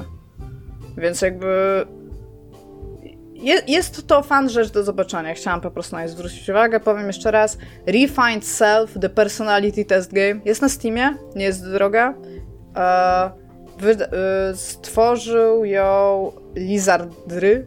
Lizardry albo Lizardry. Lizardry się pisze. E, I Playism to wydał. Więc e, ja zwracam na nie uwagę, zrobicie z tym, co chcecie. E, polski język jest nieobsługiwany, do, więc trzeba grać po angielsku. Ale gra nie jest jakby w samym takim gameplayowym oddziaływaniu z nią, to, to nie jest trudne jakby językowo to, co tam się dzieje, bo też te, te, ten robot jakby używa takich raczej prostych e, konstrukcji zdań gramatycznych i wszystko, więc jak najbardziej zachęcam, żeby to sobie zobaczyć. Natomiast Next Fest. Next Fest wydał demka, są demka do grania, e, ludzie lubią grać w demka, wróciliśmy do kultury demek, jesteśmy praktycznie znowu w latach 90. A ja znalazłam dwie gry, które mnie strasznie zainteresowały. A, I nie wiem, czy wiecie, bo mnie to w jakiś sposób ominęło. Clay robi nową grę. Pamiętacie Clay? Mhm. Pamiętamy. Tomek się na nich Klej- obraził, ja, ja, ich, ja ich pokochałem. Bo Czemu się karci- na ich obraziliście? Tomek No bo karciankę zrobili, no daj spokój. A teraz zrobią kurde roguelike'a, więc też... To jest roguelite, od razu powiem. A no, w, w każdym razie Clay wydał Rotwood demo, ale to jest roguelite, jak powiedział już e, Tomasz, e, które takim bardzo, ja nie wiem, czy jest jeszcze sens tłumaczyć tego, na czym polegają roguelite'y, ale jakby bardzo klasycznym, e, inspirowanym bardzo mocno tym, w, jak się, w jaki sposób się gra w Hadesa, jakby to, to jest stricte, moim zdaniem, inspiracja taka jeden do jednego. Pomimo tego, że były inne takie gry, moim zdaniem to jest Hades inspired. E, Przechodzi się z pomieszczenia do pomieszczenia, żeby zdobywać różnego rodzaju waluty lub e, skille i trzeba dojść do bossa jakby w każdym levelu. Oprócz tego mamy hub, w którym możemy e, ulepszać wszystkie rzeczy, które znajdziemy pod drogą, plus przy okazji znajdujemy też różnego rodzaju rzeczy do krawcenia, więc jest tutaj trochę krawcenia rzeczy typu tam jakieś armory, w zależności od tego, z jakimi przeciwnikami się bijemy. I jeszcze bardziej demie... mnie zniechęć do tej gry w ogóle. Tak, w demie są, jest, ja się bawiłam super, ale w demie jest, są dwa levele z dwoma bossami. Drugi z nich to jest jakby centralnie miałam wrażenie, że gram w Cupheada, ale to spoko. A w każdym razie jakby można sobie stworzyć postać jakiegoś pieska, ogra, kotka, nie wiem jak się nazywa merman po polsku. Człowieka z głębin. Syren. O, syrena można sobie stworzyć, tak. A, no i się spotyka całą masę takich y, cute, quirky postaci. Niektóre mają napisane jeszcze w tym demie, że to jest temp writing, co uważam Tomek za super rzecz, że możesz po prostu wpisać sobie temp writing i napisać jakikolwiek dialog ma ta osoba i po prostu wiesz, że to nie jest skończone, więc nawet nie masz jak się do tego przyburzyć. Jest, jeżeli chodzi o combat, są e, iframe, e, jest bardzo hitbox heavy, natomiast przez to, że to jest takie. To jest 3D, ale te postaci są animowane tak klejowsko, więc to jest takie bardzo 2D na 3D jakby. A miałam trochę problemów na samym początku, da się do tego totalnie przyzwyczaić. Jest bardzo fan w koopie, graliśmy w trzy osoby. Jest bardzo dużo takich rzeczy, które ja zapamiętałam tam z Castle, Cra Castle Crashers. Właśnie to na maksa jak Castle Crashers wygląda. Tak, z Cult of the Lamp też. Skojarzenie. E, tak, tylko że Castle Crashers miały te takie levele, idziesz od lewej do prawej, takie brawlerowe, a to jest takie centralnie roguelite'owe. Wchodzisz, masz jedno pomieszczenie, są tam te paski, zabijasz te pasków, zdobywasz to, co jest w tym mhm. pomieszczeniu jakby do zdobycia. Albo idziesz dalej i jest sklep, tak? Więc idziesz i wydajesz tą walutę, którą zdobyłeś, żeby zdobyć jakąś podkę. No i e, masz też takie znaki zapytania, co nie wiesz, co to będzie, ale tam być może dostaniesz skilla, być może coś ci się stanie, być może to będzie mini-boss.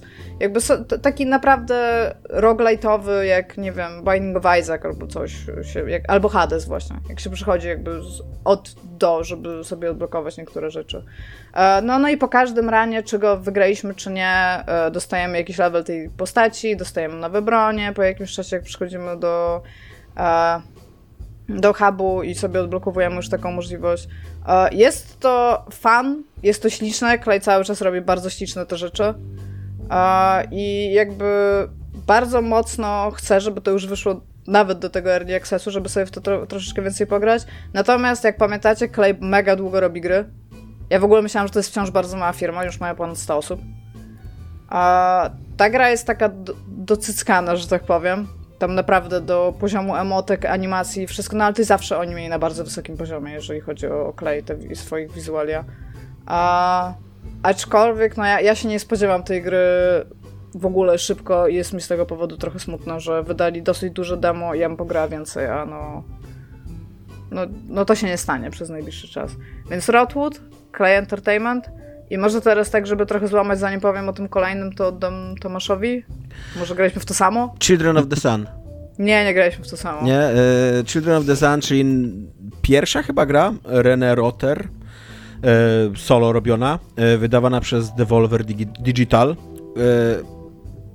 E, mówi się ogólnie, że jakaś gra jest Devolvera, Devolver jest wydawcą, jakby nie mówcie tak, co nie? I Devolver jest też już Ale dosyć czemu? dużą Kajda Corpo. Ma spójne portfolio po prostu. Ma spójną, widzisz, że ta gra jest Devolver. Wciąż. Devolver nie robi gier. co nie? E, I jest to ciekawa gierka, która jest takim, e, jakby jego pisz bym powiedział, że to jest Sniper Elite meets Superhot i meets Snake'a z komórek, nie? E, bo to jest, e, to jest giereczka o tym, że jesteś taką babeczką, e, która, której rodzina jakoś padła ofiarą... Snajperzycą. Snajperzycą, tak. Której, której, dokładnie. Której, której rodzina padła ofiarą jakiejś tam złowrogiej sekty. Właśnie Children of the Sun to jest chyba ta sekta. Ciężko powiedzieć, bo to jest demo, tam tylko cztery były levele czy pięć.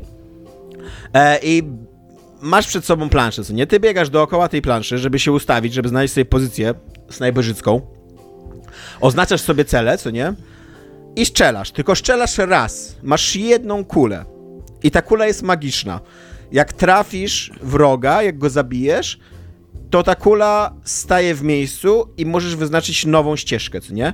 Tylko w tym czasie działa tak jak w Superhot, takie slow-mo, że cele się trochę poruszają, zaczynają uciekać na przykład, nie? I tak dalej. Więc ty musisz trafić to, to, tego nowego człowieczka i zbudować właśnie tak jak w Snake'u taką linię jakby, co nie, jak zebrać te headshoty wszystkie, jak wyczyścić całą planszę jedną kulą, co nie? Masz... Pamiętam to, pamiętam to z, ze Snake'a Noki, no. Masz też e, kilka magicznych zdolności, to są, na razie są dwie e, pokazane, nie wiem, czy to będą wszystkie w grze, czy będzie wprowadzała jeszcze więcej. Jedna jest taka, że w trakcie lotu możesz delikatnie odchylać mm, kurs tej, tej, tej, tej kuli, e, czyli trochę tak jak, nie wiem, pamiętacie, taki był kiedyś komiksowy film Wanted, gdzie można było podkręcać kulę, jak się bardzo szybko ruszyło pistoletem, to ona takie, jak piłka nożna, taki, taki, taki kurw za, nabierała i tak, tak, trochę, tak, tak, dokładnie, więc tutaj jest coś takiego, a po drugie, jak e, zbierzesz taką magiczną energię, bo trafisz w kluczowe rejony danych wrogów, to nie są zawsze to głowy. To klasyczny Snake, no? Tak, to nie, to, nie są, to nie są głowy, tylko czasem to jest ręka, jakaś tam noga i tak dalej, więc musisz się już skupić na tym celowaniu, w co celujesz. To jak zbierzesz tą energię, to możesz zatrzymać kulę nawet w momencie, kiedy ona nie trafiła w cel, tylko po prostu w środku lotu. Zatrzymać ją i zmienić jej już nie tak, że tylko trochę ją odkurwiasz tam, co nie? W lewo lub w prawo. Odkurwiam ją, no. To jest, to jest to tak się właśnie mówi, no. E, już nie to, że, że właśnie, że tam zmieniasz delikatnie jej, jej, lot, że ona jest podkręcona, tylko że po prostu staje w miejscu i możesz ją tam od 90 albo 180 stopni odwrócić i żeby poleciała zupełnie gdzie indziej, co nie? Więc jest to w dużej mierze gra logiczna, że po prostu musisz ogarnąć, jak przeciwnicy są ustawieni na tej planszy, jak po kolei ich będziesz zabijać, w którym momencie będziesz wykorzystywać daną umiejętność i tak dalej, a jednocześnie jest w niej e, taki pierwiastek zręcznościowy, bo ci przeciwnicy się ruszają, bo na przykład czasem samochód, kurde, jest w ruchu, co nie, i musisz trafić mu tam w bak benzyny i tak dalej. To nie jest, nie wydaje się jakieś duże wyzwanie, jakby zręcznościowe. Wydaje się, że dużo bardziej to będzie właśnie gra taka logiczna, rozwiązanie po prostu planszy. E, ale, ale tak jak mówię, no z jakimś takim, z jakimś takim e, pierwiastkiem zręcznościowym, tak? Czy możesz wystrzelić kulę, po czym odwrócić się o 180 stopni i strzelić do siebie? To o tym samym pomyślałem, jak Tomek powiedział o 180 Bo to, to powinien być achievek, nie? Chyba nie, chyba ciebie nie ma już, jak, jak, kula jakby leci, to chyba ciebie już nie ma na tej planszy, tak mi się wydaje. Ty już odszedłeś, ty bo już ta, nawet bo nie ta plansza, nie, no bo ta plansza przy okazji jest, wiesz, no tak z technicznych powodów jest ograniczona po prostu. To nie jest tak, że ta twoja kula może e, lecieć w nieskończoność. To jest dopiero ja, kurna snajperzyca, nie? Taki jak facet, jak ludzie, którzy nie patrzą na eksplozję, jak wchodzą, to snajperzyca no. strzela i w ogóle I odwraca się i, i odchodzi, zanim w ogóle zobaczy, czy trafiła. Ma ta to gra to... bardzo mocny, taki undergroundowy, taki brzydki wręcz, taki celowo brzydki bym powiedział. Bardzo nie? stylizowana Estety jest, tak. Estetykę. E, była, jest jeden trailer z nią i na tym trailerze jest ta piosenka, którą spopularyzował Cobain, e, Where Did You Sleep Last Night, tylko w jakimś takim wykonaniu też właśnie, jakimś takim indie, undergroundowym wykonaniu, co nie? E, ta historia właśnie tej całej sekty i tego, tej krzywdy jakiejś, której ta rodzina tej dziewczyny dostaje, jest opowiedziana w formie takich komiksów też, jakichś takich, takich nabazgranych, takich agresywnie undergroundowych, co nie? Takich, taka, ma taką punkową energię ta gra, co nie? To, co zagrałem, te pięć leveli, jest ciekawe, fajnie się bawiłem, tam pół godzinki spędziłem. E, jest właśnie też przy okazji, każdy level ma swojego leaderboarda, więc tam im szybciej ta twoja kula leci, im mniej prób masz, e, jak tam strzelisz, na przykład bez oznaczenia wrogów od razu, co nie, to masz tym wyższy ten poziom, jakby jak zabijesz kogoś poprzez to, że wybuchłeś samochód, to masz więcej punktów i tak dalej, co nie, więc też będzie jakby takie wyzwanie. Jedno moje zastrzeżenie na razie po tym demie, nie wiem jak długo ta formuła wystarczy, co nie? Eee, obawiam się, że to może być taka gra na 3-4 godziny, gdzie ostatnia godzina już będzie taka, że okej, okay, ale już się skończy, co nie? Już, już, już wiem o co chodzi, już, już zmierzajmy do końca, co nie? Mi się ale... wydaje, że to może po prostu być tak w pewnym momencie, że, bo ja tutaj patrzę tylko i wyłącznie na to, co na Steamie jest takim jakby trailerem tego, że tam tak. jest trochę gameplayu i z tego co widzę, to jest bardzo dużo rzeczy na otwartej przestrzeni i być może będą zwiększać trochę ten e, poziom trudności, Pewnie po tak. wsadzając cię w korytarze albo coś takiego, nie? Ty, już teraz to robią, już w tym demie jest tak, że czasami jest tak, że całą tą planszę możesz obejść dookoła i centralnie sobie wybrać jakby miejsce strzału bardzo dowolnie, ale czasami jest tak, że masz kamulec z jednej strony i kamulec z drugiej strony i masz ograniczone jakby, że tam mhm. y, albo masz przeciwnika tak, że go przy pierwszym strzale go w ogóle nie widzisz. Praktycznie, że pierwszy strzał musi być zmarnowany, bo dopiero jak ta kula już wleci gdzieś tam za jakieś przeszkody, to widzisz, a tu jest jeszcze typ, tu jest jeszcze typ, tu jest jeszcze typ, co nie? E, I dopiero jakby za drugim strzałem wiesz, że tak naprawdę musisz ich też obsłużyć, co nie? Jakby musisz, musisz też im dedykować kulkę, że się no. sobie. Jest na pewno szalenie ciekawy Tak. w ogóle koncept. Tak, tak. y, No, ciekawe. Fajne takie, i mówię, ma taki bardzo, bardzo fajny undergroundowy film. Taką, wręcz bym powiedział, że trochę grunge'ową taką y, energię, bo właśnie jest taka, nie wiem, obszarpana, taka celowo tanio wyglądająca, co nie? Taka jakby, że się nie wysila. Ale właśnie ona wygląda tak niby tanio, ale widzisz, jak to, że, że, to, Tak. że bardzo dużo czasu poświęcono, żeby ona źle wyglądała jakby, nie? Tak, tak. Bo, bo przy okazji też wygląda pretty cool. Nie wiem, no, nie zachęciłeś. No, wygląda spoko. O, ja mam jeszcze jedną grę i to jest gra, która będzie wydawana przez 11 Bit Studios. Natomiast e, jej wykonawcą jakby e, jest Oddmeter i nazywa się Indica. Ja bym chciała, żebyście e, Kurde, mam to wy- na wishliste, widziałem trailer tego.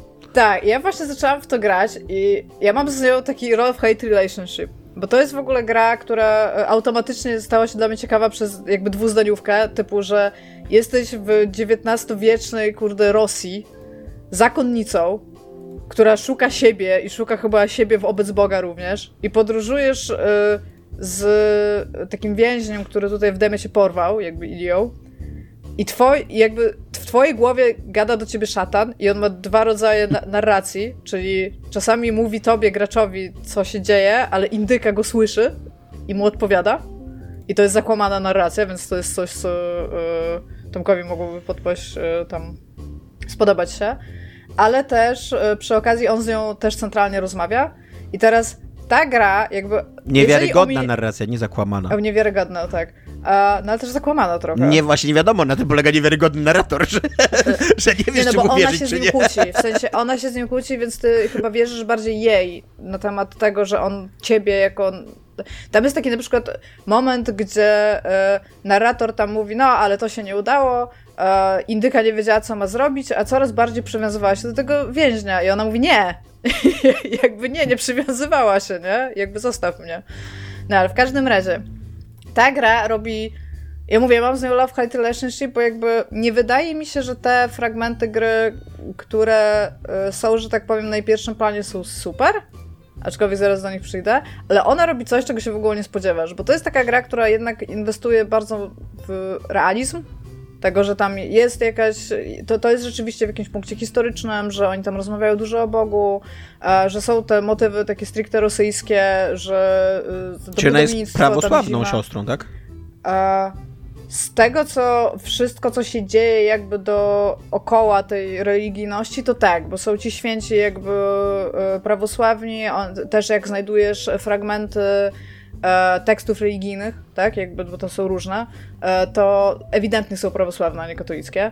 Ale to, co chcę powiedzieć, to jakby to wszystko, właśnie ten poziom, jakby moim zdaniem to nie jest, to nie jest nic, nad czym ja bym się zachwycała. Spodziewałam się więcej jakby po tym, nie? Aczkolwiek ona robi coś, co tak dobrze siedzi w tej grze, a czego ja zupełnie nie potrafiłam na samym początku ogarnąć, bo ona jest taką dosyć realistyczną grą o zakonnicy w Rosji, która ma tam różnego rodzaju tam zagadki logiczne, że gdzieś się musi wspiąć, gdzieś musi wskoczyć, coś musi tam zabrać, jakiś klucz, żeby jakąś śrubę odkręcić, nie? Takie normalne rzeczy byście powiedzieli w tego typu grach TPP.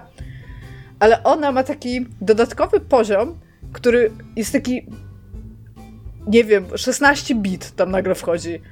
Macie tą Rosję, macie Może śnieg i 11 nagle, bit. i nagle jak pada... Nie znam estetyki 11 bit. I nagle jak na przykład szatan zaczyna do niej gadać, to wchodzi ci taki chiptune. No to wszystko. W tym, w tym wszystkim w tej Rosji w ogóle tym, tym. I ty siedzisz i jesteś na samym początku, o co z tym chodzi?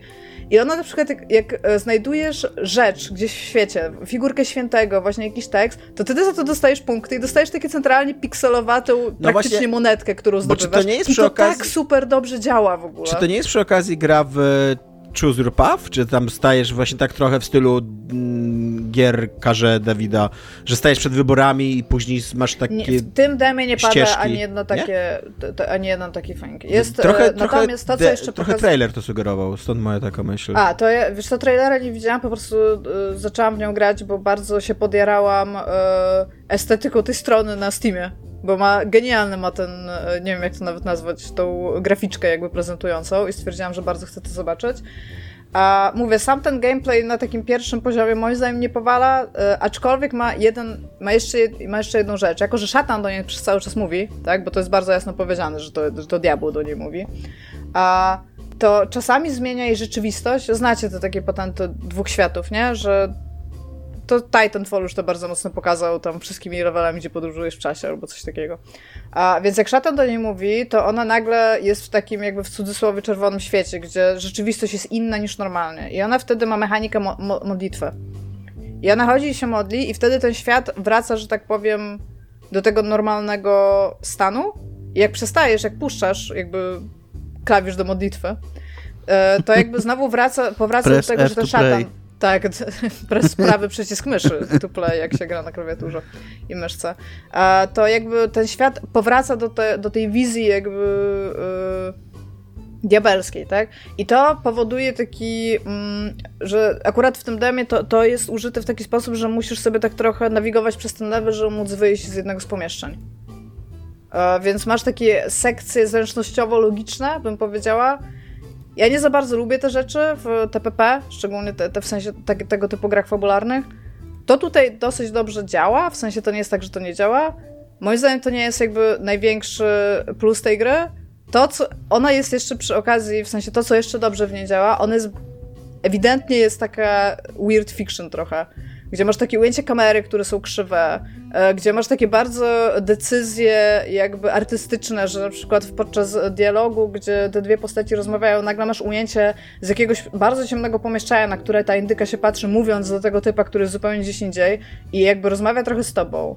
Masz takie ujęcie jakieś przez okno i to demo też się kończy takim ujęciem na jakby koło młyńskie, w którym jest uwięziony łeb psa i po prostu idziesz kamerą, pomimo tego, że oni rozmawiają zupełnie gdzieś indziej, razem z tym łbem psa, który jest jakby w, yy, no, w centralnym punkcie ekranu i nagle jesteś pod wodą razem z tym łbem psa, bo jest na okole młyńskim, tak? Potem jest znowu wyżej i to obija się o takie yy, te szczeble tego, tego młynu i to jest moim zdaniem bardzo dobra, jakby to, tutaj jest siła jakby tego projektu. On jest po prostu strasznie dziwny.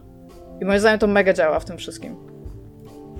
Czy to jest ja demo, które ty proponujesz, żeby teraz już wypróbować, czy raczej poczekać, aż pełna gra wyjdzie i... Ja ci powiem tak. e, Bo to jest fabularna ja gra bym- w ogóle, nie? Więc to Tak, jest trochę... jeżeli ja bym nie pograła e, w to demo, to ja nie wiem, czy ja bym przestała być zainteresowana tą grą po kilku, że tak powiem, minutach grania w niej, bo już to demo na samym początku było dla mnie takie, że nie jestem pewna. I moim zdaniem opłaca się zobaczyć to demo, żeby stwierdzić, co ta gra proponuje, bo mówię, ona jest dziwna. Tylko, że ona jest tak w dobry sposób dziwna, aczkolwiek nie wiem, czy dobrze się balansują jakby te elementy gameplayowe z tymi dziwnymi rzeczami. Ja wolę więcej dziwnych rzeczy niż takiego logicznego, zręcznościowego TPP, nie? gdzie musisz sobie poustawiać level, żeby przez niego przejść. To, to nie jest dla mnie fan najczęściej po prostu.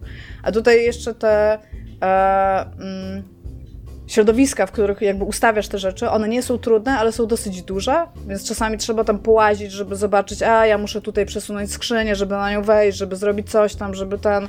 Jakby to, to nie są fan rzeczy dla mnie, nie? A te ujęcia kamer, te dziwne muzyczki, ta narracja, która tam jest, to jest fan, więc jakby to jest kwestia teraz chyba zbalansowania w głównej grze, ta, która wyjdzie, czy te fajne, dziwne elementy będą balansować te elementy takie normalne TPP. Ale jest, jest inna.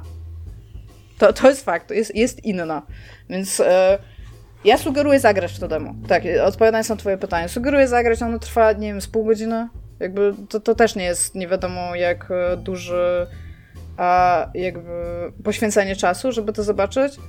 A jest kilka naprawdę bardzo, bardzo fajnych rzeczy. Plus ta indyka, indyka w sumie, jest e, mega fajną postacią. Jest bardzo likeable.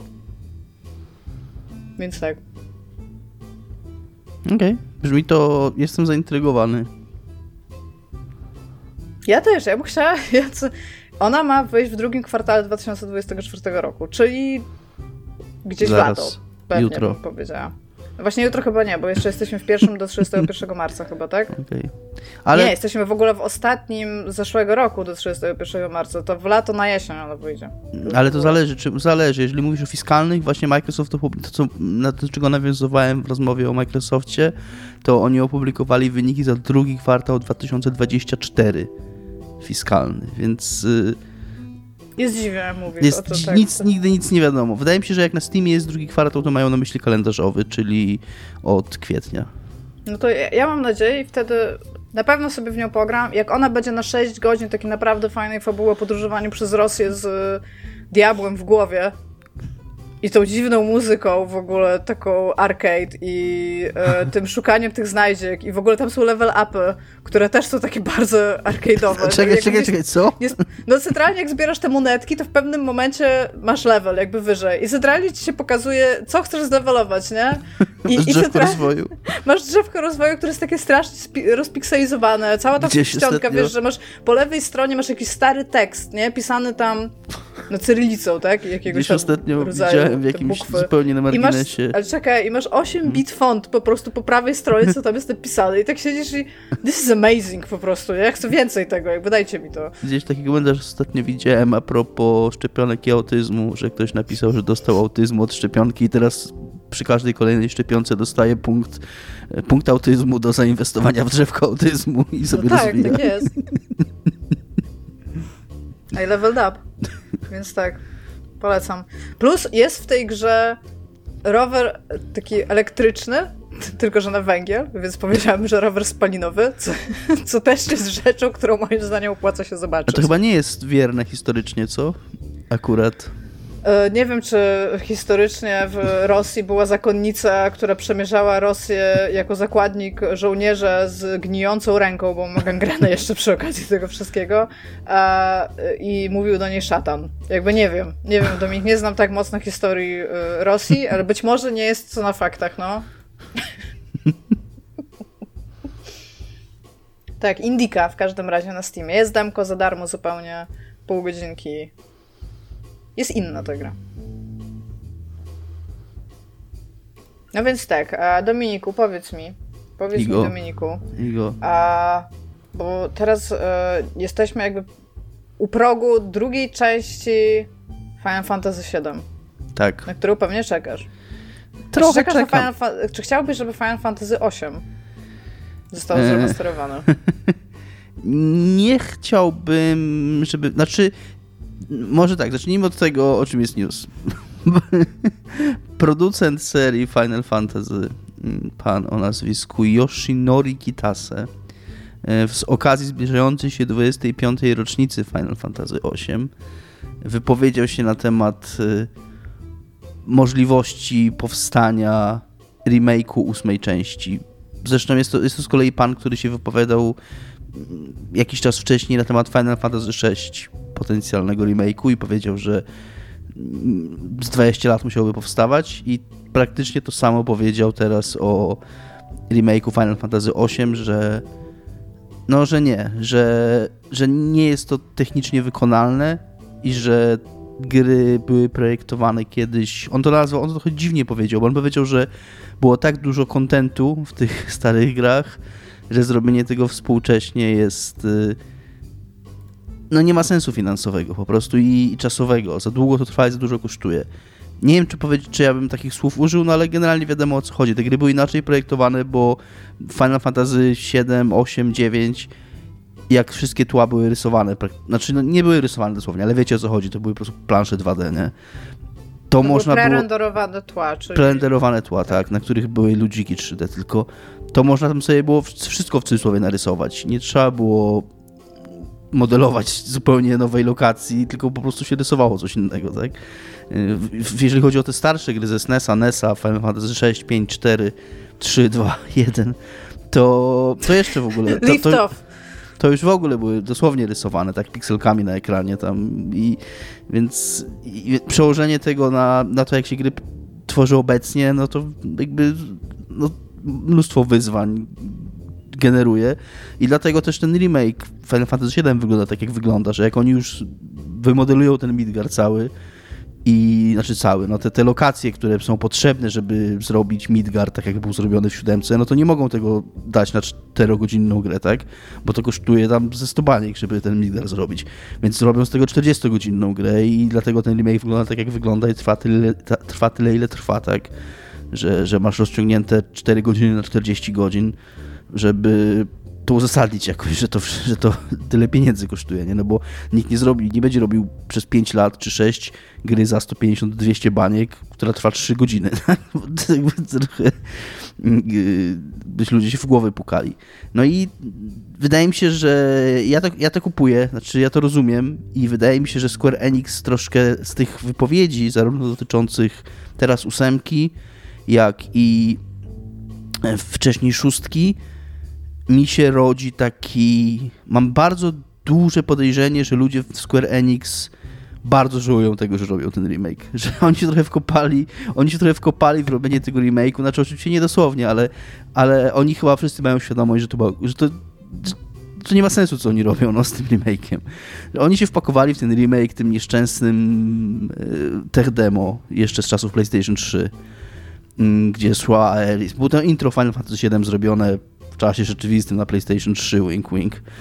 E, I, I oni się trochę jakby wykopali grup sobie tym, tym techdemem i trochę musieli ten remake zrobić i myślę, że oni już są w takim momencie, że wiedzą, że to nie ma sensu, co robią, no ale już muszą to skończyć, tak? I będą to robić jeszcze 10 lat pewnie mm, zanim, no może nie 10, no ale z 5-6 do kolejnej części, tak?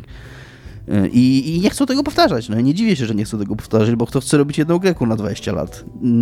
jakby ci ludzie pewnie już mają grę żygają tym Final Fantasy VII, a już jakby pomijając fakt, że, że Square Enix to temat Final Fantasy VII ekstra, ten, eksploatuje na wszelkie, na wszelkie możliwe sposoby, jeszcze w ogóle pomijając nowe gry, nie? Więc Do pożygania. Oni już mają po prostu, wszyscy pewnie kurna żygają tym właśnie, tym Final Fantasy VII i... Gracze nie żygają, do gracze czekają. Ja trochę też czekam. No właśnie, chciałam, to było moje pytanie, czy, bo to się teraz Rebirth, tak? Rebirth, tak. Trochę czekam. Jest, I przede wszystkim no, wszyscy się zastanawiają, co zrobią z tematem Aeris czy Aerif, jak to się jak Naprawdę to się wszyscy się zastanawiają. Znaczy, po tym, jak no... się kończy pierwsza część i mówi ci o tym co może się stać w drugiej części? Nie wiem, czy to już jest Kwestia jest tego, jak to zrobią. Ja mam trochę swoją, ja mam trochę swoją hipotezę, jak, co oni zrobią i byłoby super, jakby tak zrobili, jak ja myślę, że zrobią, ale tak nie zrobią. Moja hipoteza jest taka, że oni robią cały ten... Znaczy, w, inaczej, fajnie by było jakby, jakby może, nie, może to nie jest hipoteza, właśnie, ale fajnie... tak, czy ty masz hipotezę, że się będziesz mylił? Tak, właśnie źle, źle to się wyraziłem. Nie mam hipotezy, tylko, tylko właśnie e, inaczej. Chciałbym, żeby tak było, że cały ten bullshit o przeznaczeniu i to wszystko, to sugerowanie, że tym razem będzie inaczej, ono jest tylko i wyłącznie po to, żeby nic się nie zmieniło. Żeby ten, żeby ta sekwencja znowu przebiegła tak, jak przebiegła w oryginale, a cały ten bullshit był po to, żeby to cię znowu zaskoczyło. Żeby, żeby gracze byli drugi raz zaskoczeni. Chcę traumę jeszcze raz zrobić. Tak, nice. żeby, żeby jeszcze raz przeżyli tą traumę. I że tylko po to to jest. I że nic się nie zmieni tak naprawdę. I to by było super. To by e, było super, ale tak nie zrobią. Ale tak nie zrobią, tak, jasne. No. Słyszałem w ogóle jakieś takie fantazyjne jeszcze, i, to, i tego się bardziej spodziewam, bo to jest na cały Tetsuya Nomura, że tam wejdzie jakieś multiversum, że, się, że będą jakieś dwie linie czasowe, w jednej będzie Zack, w drugiej będzie Cloud i w jednej Ares będzie żyła, w drugiej nie będzie żyła i te linie czasowe później się połączą w jedną i dlatego jest Rebirth, że to się odrodzi wszystko jako nowy świat i ona jednak będzie żyła i Zack będzie żył i wszyscy będą, i wszyscy razem Będą trzymać dwóch, się za rączki na końcu Z tych śpiewać? dwóch linii czasowych na końcu się spotkają i, i wyruszą w drogę, tak? i tak się skończy ta, ta część. To mi się wydaje bardziej prawdopodobne i to brzmi też bardziej jak Nomura. Więc y, to pewnie będzie jakiś taki totalny bullshit, z którego, którego będzie ciężko zrozumieć. Więc jeszcze jest jeden wątek, o którym zapomniałem, o którym pan y, Jokit Kitase wspomina, czyli ten system rozwoju postaci i rozwoju drużyny, ten system junctionów z Final Fantasy VIII, że tam mówi, że gdyby teraz przerabiali Final Fantasy VIII, to musieliby go przeprojektować, bo był za bardzo skomplikowany i tak dalej. Mm, to nie było problemu moim zdaniem Final Fantasy VIII. Ten system był może trochę skomplikowany jak, jak na japońskie RPG, ale Baldur's Gate znowu 3 po raz kolejny w tym podcaście pokazał, że to nie jest problem, że może być skomplikowany, bardzo, bardzo skomplikowany. Baldur's Gate 3 jest wielokrotnie bardziej skomplikowany niż system Junctionów z Final Fantasy VIII, a odniósł masowy sukces, no, taki naprawdę masowy, to jest kilkanaście baniek tak sprzedała już teraz. Mm, bardziej problem. Ósemka miała inny problem. Ósemka przede wszystkim miała problemy, że bazowała na tych samonach i te animacje się oglądało bez końca i bez końca i to jest moim zdaniem główne. Ale ósemka nie ma takiego kult following siódemka, nie? Nie ma absolutnie. Ósem, znaczy ósemka ma, tro, właśnie ósemka ma trochę takie właśnie to, co ma ósemka, tym nazwał kult following. Czyli jest dosyć niewielka grupa, ale bardzo oddanych fanów. Jest jakby okay. jest, jest mały jakiś procent ludzi, którzy tą grę cenią, ale ten, ten mały odsetek ludzi ceni ją bardzo, bardzo mocno. I bo ona ma właśnie taki, takich, takich wyznawców swoich, nie? Ale bardziej, jeżeli już cokolwiek Square Enix miałby robić w tym temacie i pakować się w 20 lat robienia kolejnej gry, to wydaje mi się, że szóstka jest, właśnie szóstka ma dużo bardziej taki... Znaczy, wiesz co, w momencie, jak oni skończył siódemkę, to już mogą ją zacząć remakeować. Natomiast wiecie, istnieją też inne sposoby robienia gier niż tylko właśnie. Tak. Y, jakby można, nawet jeżeli by mieli remakeować, czego ja tam nie jestem wielkim fanem, bo uważam, że ta siódemka to jest zbrodnia na ludzkości, co nie? Ale. Wow. E, ale istnieje, istnieje inny sposób remakeowania gier. Jakby to nie jest tak, że musisz wszystko wrzucać w 3D Enviro, kurde, tak, za tak, 50 tak, tak, miliardów dolarów i e, właśnie i potęgować tą inwestycję i lecić jeszcze więcej kasy, jeszcze więcej tam 3D i jeszcze, kurde, wyższe rozdzielczości i tak dalej, i tak dalej. Da się to zrobić inaczej, co nie? Tak, to jest właśnie to też jest ciekawa jak? myśl. I ludzie by na przykład, y, dużo ludzi, jak się pojawił ten temat, jak był ten news o. Nie dalej, Persona 3 teraz została przyszymakowana. O, o, ja tak, był... o, o Final Fantasy 6, jak był ten, jak był ten news, to ludzie na przykład bardzo dużo widziałem opinii o tym, jak, że wystarczyłoby to zrobić w stylu Octopath Travelera. W sensie, żeby że, jakby, że, że, że Final, Tak, że Final tak, Fantasy VI no. zrobione tak jak wygląda Octopath Traveler, czyli jest wciąż pikselowe, ale tak bardziej współcześnie i z takie pseudo 3D i z jakimiś tam efektami graficznymi i ludzie by to łyknęli. Właśnie to nie musi być, dokładnie, to nie musi być od razu, kurde... Blockbuster. Tak. Więc jo. Ale czekamy z Dominikiem, tak, na drugą część. E, Czekam, z, tak. Z trzech części, tak? Oni powiedzieli w końcu, tak. że to będą trzy części. Znaczy, tak mi się wydaje. Nie pamiętam, czy... czy Czyli ale... 120 godzin gry. Tak pewnie no będzie. ta pierwsza była na 40 około. I 16 lat produkcji, co nie? Gdzieś 40, tak. 60. Znaczy, no i mówię, jak, jak skończą remakeować, to już będą mogli mieć ekipę, która na zakładkę zacznie remakeować pierwszą część z tych trzech. To. No i ja nie... jako collection. No Dla mnie jest to już ten stopień pasożytowania na jakiejś takiej pokoleniowej nostalgii, że autentycznie uważam, że to jest kurde zbrodnia, no po prostu. Ja niestety lubię tą pierwszą część. Też uważam, że to jest zbrodnia. Coś, to, to jest najgorsze. Też uważam, że to jest w ogóle nie fair i, i obrzydliwe, co oni robią, ale, ale no, serduszko mam tam, gdzie mam i, i uczucia nie zmienię. No. E, tymczasem e, czekasz jakby długo na Final Fantasy VIII, a jak długo czekałeś na Skull and Bones, Dominiku? Orety. E, 11 lat ta gra powstaje.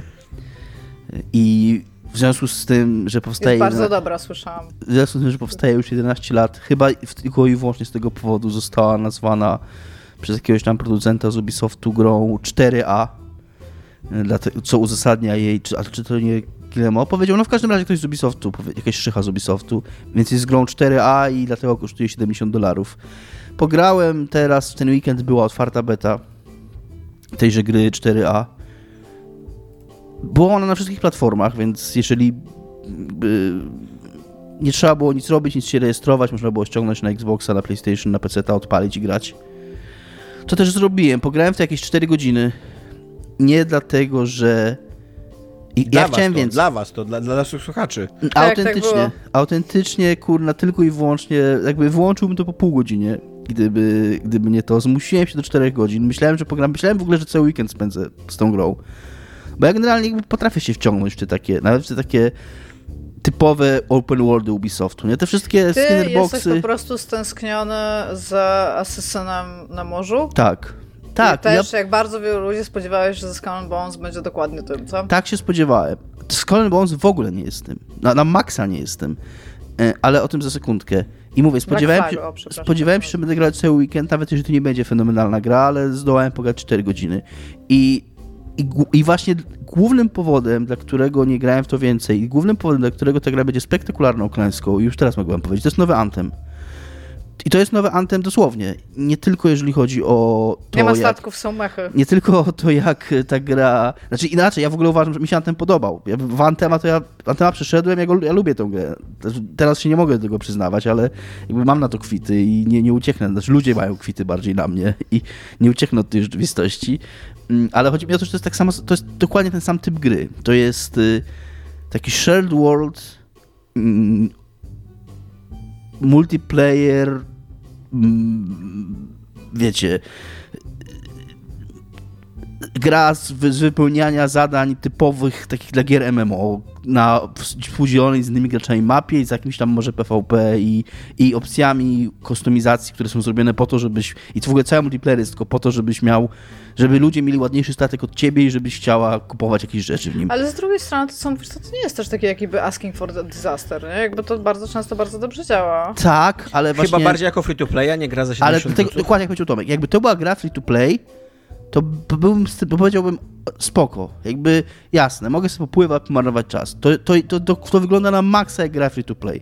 I jeżeli chodzi o jej projekt, i jeżeli chodzi o to jak wygląda, jak działa, tam praktycznie nie masz żadnej fabuły, takie wszystko jest bardzo naskórkowe. Jesteś jakimś tam piratem, rzucają cię, chodzisz, od, chodzisz na takim małym hubie od ludzika do ludzika, klikasz na niego, dostajesz okienko, ci masz cztery zdania, co masz zrobić, naciskasz akceptuj, płyniesz statkiem do znacznika, tam jakieś statki zabijasz albo zbierasz jakieś rzeczy z wyspy i jakieś surowce i wracasz i oddajesz to i dostajesz jakieś, jakieś kolejne rzeczy i budujesz sobie, wsadzasz lepsze działa do tego Ale stateczku. To, co teraz mówisz, to brzmi trochę jak y, to, że ludzie, którzy mieli jakby mm, ten. To, to swędzenie do podrapania, jak się mówi w polsku. Właśnie To yy, już mają do tego Sea of Thieves, nie? Który. Sea of Thieves to jest w ogóle zupełnie inna gra akurat, bo Sea of Thieves jest... To No, ale też gra... płyniesz dokądś, robisz tam coś i wracasz, jakby. No tak, nie? bo w Sea of Thieves masz ten as- aspekt kooperacji, to jest chyba najważniejsze, tak? Że jesteś na tym stateczku razem z innymi osobami i, i wspólnie tym statkiem Tutaj tego nie ma. Tutaj sama sterujesz tym statkiem. Ale teraz wam powiem, co jest największym... Jakby to wszystko jeszcze... Jakby, okej. Jest to jakiś tam... Jest to, jest to totalnie taki, taka gra, gra produkt zrobiona w- totalnie po linii najniższego oporu. Znaczy, mi się wydaje, że tam nie, ona z, pewnością nie była tak lubiona od początku, tylko minęło 11 lat, oni mieli jakąś, jakąś inwestycję od jakichś szejków, czy nie pamiętam dokładnie, ale oni musieli tą grę wydać po prostu, bo taki był warunek jakiejś umowy, którą podpisali, więc, więc przypuszczam, Podobno że... tak, pod, jest taka plotka, to nie wiem, czy to jest potwierdzone, że dostali Hmm. od Singapuru, A, od państwa, dofinansowanie państwowe na ten projekt, na Okej. założenie studia w ogóle i że po prostu musieli ją dowieść. Tak, i że wydaje mi się, że oni w pewnym momencie musieli ją dowieść, więc zrobili, jakby posprzątali to wszystko i postawili taką grę, wiecie, z tych klocków takich, które są najbardziej, najbardziej oczywiste i które działają. Ale największa, jaka jest największa zbrodnia? Ja o tym mówiłem wiele razy i muszę o tym powiedzieć raz jeszcze tutaj, bo to jest ważne. Nie ma odgłosu chrupania. Co było jak najfa- gwiazdy zjadasz. Mój co, Boże, było, halo co było najfajniejsze i najważniejsze i co było naj, jakby najświeższe i głównym powodem, moim zdaniem, sukcesu Black Flag. Ta gra robiła jedną rzecz, której nie robił nikt wcześniej. Pływanie statkiem po morzu i strzelanie do innych statków miało już Pirates. Klasyczna gra. Jeszcze z lat 80. Sid Meier's Pirates. My na nie mówiliśmy Pirates, jak Pirates, byliśmy dziećmi. jakby, to... Pi- Tak. I I właśnie to powiedziałeś, że tego w życiu nie słyszałam, ale okej. Cały Black Flag to było praktycznie Pirates, jeżeli chodzi o design gry, co się w niej robiło. Będziemy tak mówić No teraz. tak, Będziemy tak się tak mów- mówi. Tak się mówi. Tak, się, mnie to Tak jak zawsze masz Tomb Raider, tak masz Pirates. Pirates. to było zawsze Pirates, tak.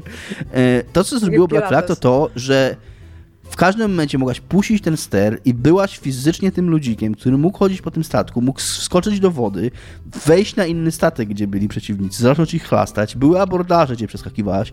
Było, No. w, jak podpłynęłaś do wyspy, gdzie była jakieś, jakaś osada czy coś, to mogłaś też z tego statku zeskoczyć do wody, pójść do tej osady na nogach. To dawało ci taką fantastyczne wrażenie spójności tego świata, że nie, że nie byłaś statkiem, nie musiałaś się wczuwać w Że nie, że statek. spacerujesz statkiem. Jakby, Tak, tylko- tylko że jesteś człowiekiem, który jest osadzony w tym świecie i to, to było to straszną taką świeżość dawało temu wszystkiemu, że właśnie, że, że, że ten cały świat nie jest tylko jakąś taką iluzją, że, że tutaj No niby... to też robi właśnie to Sea of Thieves, to co, co przed chwilą Tak, powiedziałeś, tak, że tak, tam tak, sterowanie tak, statkiem, tak, tak, właśnie tak. jesteś ludzikiem A tu- na statku, a nie A statkiem. ta gra z jakiegoś powodu, ktoś w Ubisoftie kurna po prostu, nie wiem, no nie chcę, nie, nie wiem dlaczego tak jest, ale tego w ogóle w tej grze nie ma.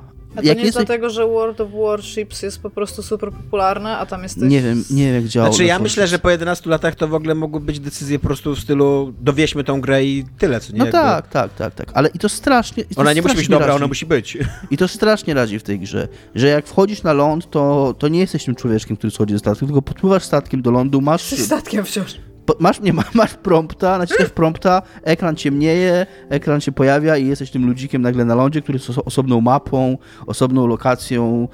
Jakby nie ma, nie ma tego, Czyli nie tej masz spójności. spójności pomiędzy tak. tobą na wyspie, tak. jakby na lądzie, tak. a, a, potem tobą... jesteś i tak. morfujesz w statek. Tak, morfujesz w statek. Znaczy, no niby jesteś w tym sterze, no ale widzisz, jakby masz kamerę tak ustawioną i nie, nie, nie możesz puścić tego steru. I moim zdaniem to psuje całą załogę tam? Masz tam załogę, ale, ale też to nie... są NPC jakieś takie, To są tak? NPC, on nigdy nie masz nimi żadnej kontroli, nic nie ten. I strzelasz w ogóle, strzelanie też jest kur... A czy ta kuriozalne. Gra, czy ta gra jest tak zaprojektowana, że być może będzie jakaś opcja, żeby mieć załogę? Czy, czy nie widzisz czegoś takiego? Y, ale w sensie, że innych ludzi? No tak, żeby ją nie, rozwinąć w tym, w tym Oni kierunku. tam w ogóle nie mieliby co robić. Bo ty jak jesteś tym statkiem, to ty jak celujesz, to naciskasz przycisk do celowania, lewy trigger, pojawia, robisz tego Iron Sighta ze statku mhm. i strzelasz naokoło. To też nie, też nie ma czegoś takiego jak w Black Flag, że musiałeś się burtą ustawić do drugiego statku. Nie, po prostu strzelasz tym. Znaczy tam niby masz, masz dwa działa z przodu i tam dwa, po dwa po bokach na tym pierwszym podstawowym statku, ale możesz na łuko strzelać, tam nie ma problemu, nie możesz, tylko do tyłu nie możesz strzelać, no ale tak w tej takich, mm, tym takim, nie wiem, stożku, tak, który masz naprzy, naprzeciwko statku, to możesz po prostu, przy, przycelowujesz, wybierasz celowniczkę i strzelasz. Jakby ta pozycjonowanie się nie ma za dużego znaczenia. Jest abordaż taki na inny statek, że, że możesz podpłynąć do innego statku i takie haki rzucić i wtedy masz po prostu animację. Że pojawia się ekran, że abordaż i zrabowaliśmy tyle, tyle i, i nara, nie? Nie ma w ogóle żadnej walki. Czyli abordaż to nawet nie jest kwestia gameplayowa, to jest nie. encounter taki, to tak? Jest, w sensie losuje ci się naciskasz po prostu, musisz podpłynąć do innego statku, nacisnąć guzik i wtedy jest abordaż. I po prostu masz efekt tego abordażu na, na, na ekranie wypisany. I jak zbierasz surowce, to podpływasz do, do drzewka, które jest przy brzegu i, i masz quick time eventa. Taka piła jest, po której taki... taki A, ścinasz drzewa jakby, tak? Ścinasz drzewa. Taki znacznik lata po tej pile i musisz naciskać guzik w odpowiednim momencie i ścinasz te drzewa. To ja mam takie pytanie, e, żebym ja lepiej zrozumiała, dobrze? Bo ja, ja nie grałam w tego Skull Bones. Tylko, że jakby ja nie mam, nie mam tej potrzeby z Black Flaga, tak? Do spełnienia przez inną grę. A co ty w takim razie przez 4 godziny, co, co się tam robi? W sensie, jesteś ludzikiem, wypływa, bierzesz misję, tak? Domniemam, mhm. że bierzesz misję w porcie, wypływasz, robisz tę misję, wracasz do portu, żeby ulepszyć tak. statek z tym, tak. co tak, a zrobiłeś. kupić jakieś resursy, ulepszyć, wypłynąć znowu, możesz zaatakować port. Zaatakowanie portu też działa tak, że była, był tam jakiś port jakiejś tam kompanii handlowej czy kogoś takiego i strzeliłem w niego z działa i było wtedy informacja, że, jest, że plądruje. I plądrowanie polega na tym, że masz po prostu licznik czasu, w którym musisz krążyć wokół tego portu i wtedy przylatują, yy, spa, spawnują się statki tej kompanii i musisz do nich strzelać i jakby taki masz, nie wiem jak to nazwać. Taki port, survive jakby, Taki tak? survive, tak. Masz taką falę wrogów i napływają jak tych wszystkich wrogów wystrzelasz w tym czasie, no to masz zakończone plądrowanie i, i, i masz te łupy z tego plądrowania i potem masz informację, że jest, port jest odbudowywany i musisz poczekać. I też, i też to jest jeszcze dodatkowe, że ta cała, cała ta gra ona ma taki strasznie MMO posmak, mimo że to nie jest MMO, tylko taki bardziej shared world, właśnie jak Sea of Thieves, czy jak Destiny, jak tego typu gry, to masz wszystkie te takie motywy z MMO, że na przykład jak masz, nie wiem, misję, żeby zabić, czte, zniszczyć cztery statki jakiegoś konwoju, nie? I ty płyniesz tam i zastrzelisz cztery statki i widzisz, nawet ty widzisz na twoich oczach, że, że one po chwili się respawnują, bo one tam muszą być, że jak następny gracz będzie robił tą misję, to żeby mógł, mógł tak powinąć i zabić te statki. Taka jest takie, wszystko jest nie, nie mm, jakby to powiedzieć... Nie jest meaningful, nie jest znaczące. Tak, nie, ma, nie jest znaczące, dokładnie, dokładnie. Nie ma, nic nie ma, nie ma żadnej, żadnego, żadnej stawki. Tak samo jak yy, jak y, masz, nie wiem, jakieś beczki wybuchowe w ogóle na samym początku i strzel- do tych beczek wybuchających z armaty na jakimś wraku i strzelać do tych beczek i te beczki też po chwili się respawnują, bo one muszą to być jak następny gracz podbiegnie i będzie chciał do nich strzelać, nie? Więc właśnie jest, jest taka, to taki, takie wrażenie, z, jeszcze jak z World of Warcraft było, że pokonywałaś bossa, a tam miałaś kolejkę innych graczy, którzy czekają, że boss się zrespawnuje, żeby, żeby do niego podbiec i też go zabić, nie? I takie, no kurde, no... to, to było w ogóle takie proste się wydawało wtedy, jak wyszedł Black Flag, nie? Zróbcie taką samą grę, tylko bez asasynów. Dwa lata, trzy lata, macie silnik, macie To masz taką samą grę, tylko nie masz tego asesyna, co biega, ty. co leży? Jest dosłownie bez asasynów. No. No, no właśnie nie, bo tam znaczy, no, nie ma połowy w ogóle tego, co było fajne w, w Black Flag, albo więcej, nie? A za to jest masa tego bullshitu. Nie wiem, kto potrzebuje, żeby to był multiplayer. W ogóle to... Ja widziałam, że... Znaczy czytałam kilka y, opinii, a może w ten sposób. Właśnie tacy ludzie, którzy są bardziej od tej strony tam tego World of Warship, nie widzą Mhm. tych samych rzeczy, które są w World of Warship i by chcieli, żeby były. Ludzie, którzy są, że tak powiem, no tak jak ty, z, z tego bardziej, że tak powiem, asesynowskiego obozu, którzy chcieliby po, popływać i jakby pobawić się w piratów, też nie widzą tych rzeczy. Więc ja widzę główny problem tej gry, mówię, w którą nie grałam, więc tam spoko, w tym, że troszeczkę nie wiadomo dla kogo ona jest na Tak, to prawda, to prawda.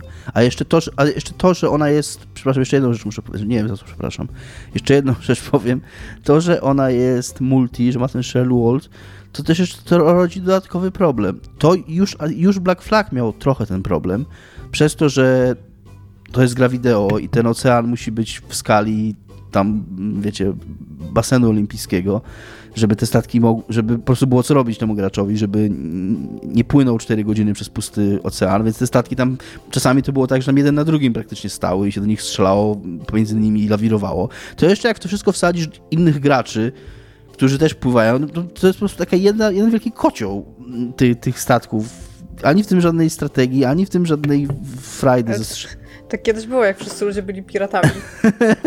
Wypływałeś z portu i stałeś w korku, no jakby o co ci chodzi. I każdy chciał się piracić. No tak, trochę tak jest, nie? I, i wiesz, masz tą misję i widzisz, i po prostu i pływają te statki, strzelają się i strzelają i, i to jest takie wszystko, kurna, miałkie i puste i bez znaczenia i... Ale docelowo tam ma być jakieś story i wszystkie z takich innych rzeczy. Pewnie będziesz tam from zero to pirate hero. Mm, Znaczy tam nie jest jakieś story, ale ono jest takie bardzo, mówię, to jest takie story z MMO, naprawdę. Właśnie, że jesteś Czyli jakimś zabijasz tam... pływające dziki. Jesteś jakimś... No nie, idziesz do tak, pływającej no, karczmy. Karczmasz mówi ci, że w jego podwodnej piwnicy są podwodne szczury. no trochę tak. Strzelasz do szczurów z Trochę, armat. trochę tak. I, I pływasz na początku i musisz zdobyć ileś tam drewna i ileś tam e, tych, no, płacht, czy tam jakichś innych materiałów żeby na żagle i ileś tam e, żelaza i musisz to pozbierać i wrócić z tym, żeby zbudować statek, a To brzmi potem, jak dredge. A potem musisz działa zbudować i... No nie wiem. Nie, A wygląda chociaż ładnie. wygląda w miarę ładnie. A mają taką wodę jak Sea of Thieves o osobnym silniku. Mają ładną wodę. Okej. Nie Ale- wiem, czy tak... Czy to jest Czy gra, ta która wygląda na współczesną grę, czy na grę, która została, zaczęła być Nie, to produkowana wygląda- 11 lat temu? to wygląda na współczesną grę. Jakby tak technicznie jest ok.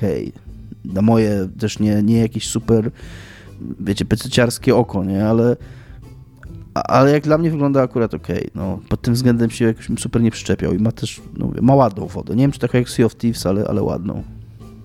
Też nie jesteś tak blisko tej wody, nie? więc może nie muszą mieć aż tak, aż tak tej wody. No tak, no bo skoro nie stoisz nie tak, patrzysz nie stoisz na... wodę, tak, no. tak, tak, tak. Nie zachęciłeś mnie, ale też z drugiej strony nigdy nie miałam wrażenia, że ta gra ma być dla mnie. Gra będzie straszn, straszną porażką. A oni w końcu powiedzieli, bo teraz jest ta, była beta, a wiadomo co jest dalej, czy jakby ten roadmap jest taki Nie wiem. Znaczy ona wychodzi jakoś niedługo, nie? Ale, ale nie wiem. No mówię, wydaje mi się, że oni chcą... Teraz dzisiaj, dzisiaj mi taki news mignął, że Ubisoft chce znowu robić dobre gry. Po, Ale to dobrze, że w końcu się skumali, no. e, i, i Dobrze, że trochę, muszą taką decyzję podjąć, co nie? Jest trochę taki wiatr zmian, bo i ten Prince of Persia nowy się udał i o awatarze się dużo Same dobre rzeczy o tym nowym Prince of Persia. Tak, tak. No ale I właśnie jeszcze, jeszcze Avatar to okej, ale Prince of Persia to był dla Ubisoftu jakiś taki popierdółka, jeżeli chodzi o skalę projektu, Mm, nie? Tak, ale jakby Avatar wizerunkowo... same złe rzeczy. O wizerunko, wizerunkowo to, no nie no, o awatarze się raczej pozytywnie mówi. Też to brzmi jak gra. Ubisoftu, gdzie szukali y, szaty graficznej na nią. I Też raczej słyszałem jest- dobre rzeczy, że to super pasuje ta formuła i że... Tak, tak. No to I też- może, może, źle, może muszę słuchać w, in, w innym kierunku. I Mirage też, mm, jakby też, jak, jak na to, czym ta gra jest, mm, Do Było- Mirage mam raczej ciepłe uczucie. było trochę ciepłych, taki, taki, taki raczej był ciepły odbiór tej gry. Nie jakiś super entuzjastyczny, ale taki, że, że okej, że to jest fajne. I, I teraz nagle wyjdzie to Skull, of, to Skull and Bones i ono no, nie pomoże Ubisoftowi w, w, w budowaniu, w odbudowywaniu zaufania i, i mówieniu graczom, że teraz będziemy robić dobre gry. Pirates, to to jest y, Skull and Bonus? Mówiło się Piraty Siga, no. No ja nie wiem, ja, jakby ominęło mnie to, przepraszam. Ja Mieliśmy- bardzo wielu nazw gier nie, nigdy nie wymówiłam, więc jakby może dlatego? Jakby nie, nie znam tej... Tomb Raider znam jako, jako rzecz, jakby to, że tak się mówiło, tak? Po prostu jesteś Może niewyedukowana. nikt nie, nikt nie rozmawiał, może u mnie. może jestem niewyedukowana. A, czy mamy Nie, nie jeszcze... mamy już. Dobrze, więc. A w związku z tym, że już nie mamy, e, to chciałabym e, podziękować wszystkim, wszystkim ludziom, którzy e, nas słuchają. A są też ludzie, którzy postanowili, że fajnie by było zapłacić za to, co robimy e, na naszym patronajcie, patronite.pl łamany przez niezdopialni. A tym ludziom również dziękujemy. E, Szczególnie dziękujemy tutaj e, Bartkowi, Jarosławowi, Mafinkowi, Tomkowi i Pindrza a za to, że wpłacają nam na najwyższym progu. Jesteście spoko w związku z tym. Wszyscy jesteście spoko, jeżeli nas słuchacie. A ponownie powiem, że nic nie mamy zamiaru e, chować za paywallem. A natomiast jeżeli chcecie nas wspomóc, to jest nam tu bardzo miło wtedy. A jeżeli nie, też jest nam miło, prawda chłopaki? Tak, jak najbardziej. Tak. Pamiętajcie też, że istnieje taki podcast M kwadrat i my odnotowujemy jego istnienie. Tutaj w tym, w tym momencie. Coraz gorzej w ogóle. No tak, no bo wiesz, zapłacili jakby za, za, za 4 tygodnie, tak? Rozumiem reklamę, ale ta reklama jest coraz mniej intensywna jakby.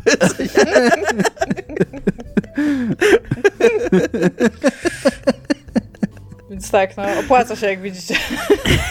Tak, no, dobrze zainwestowane pieniądze w marketing. A, Dzięki. No dobrze, to dziękujemy. Cześć. Hej. Dozo.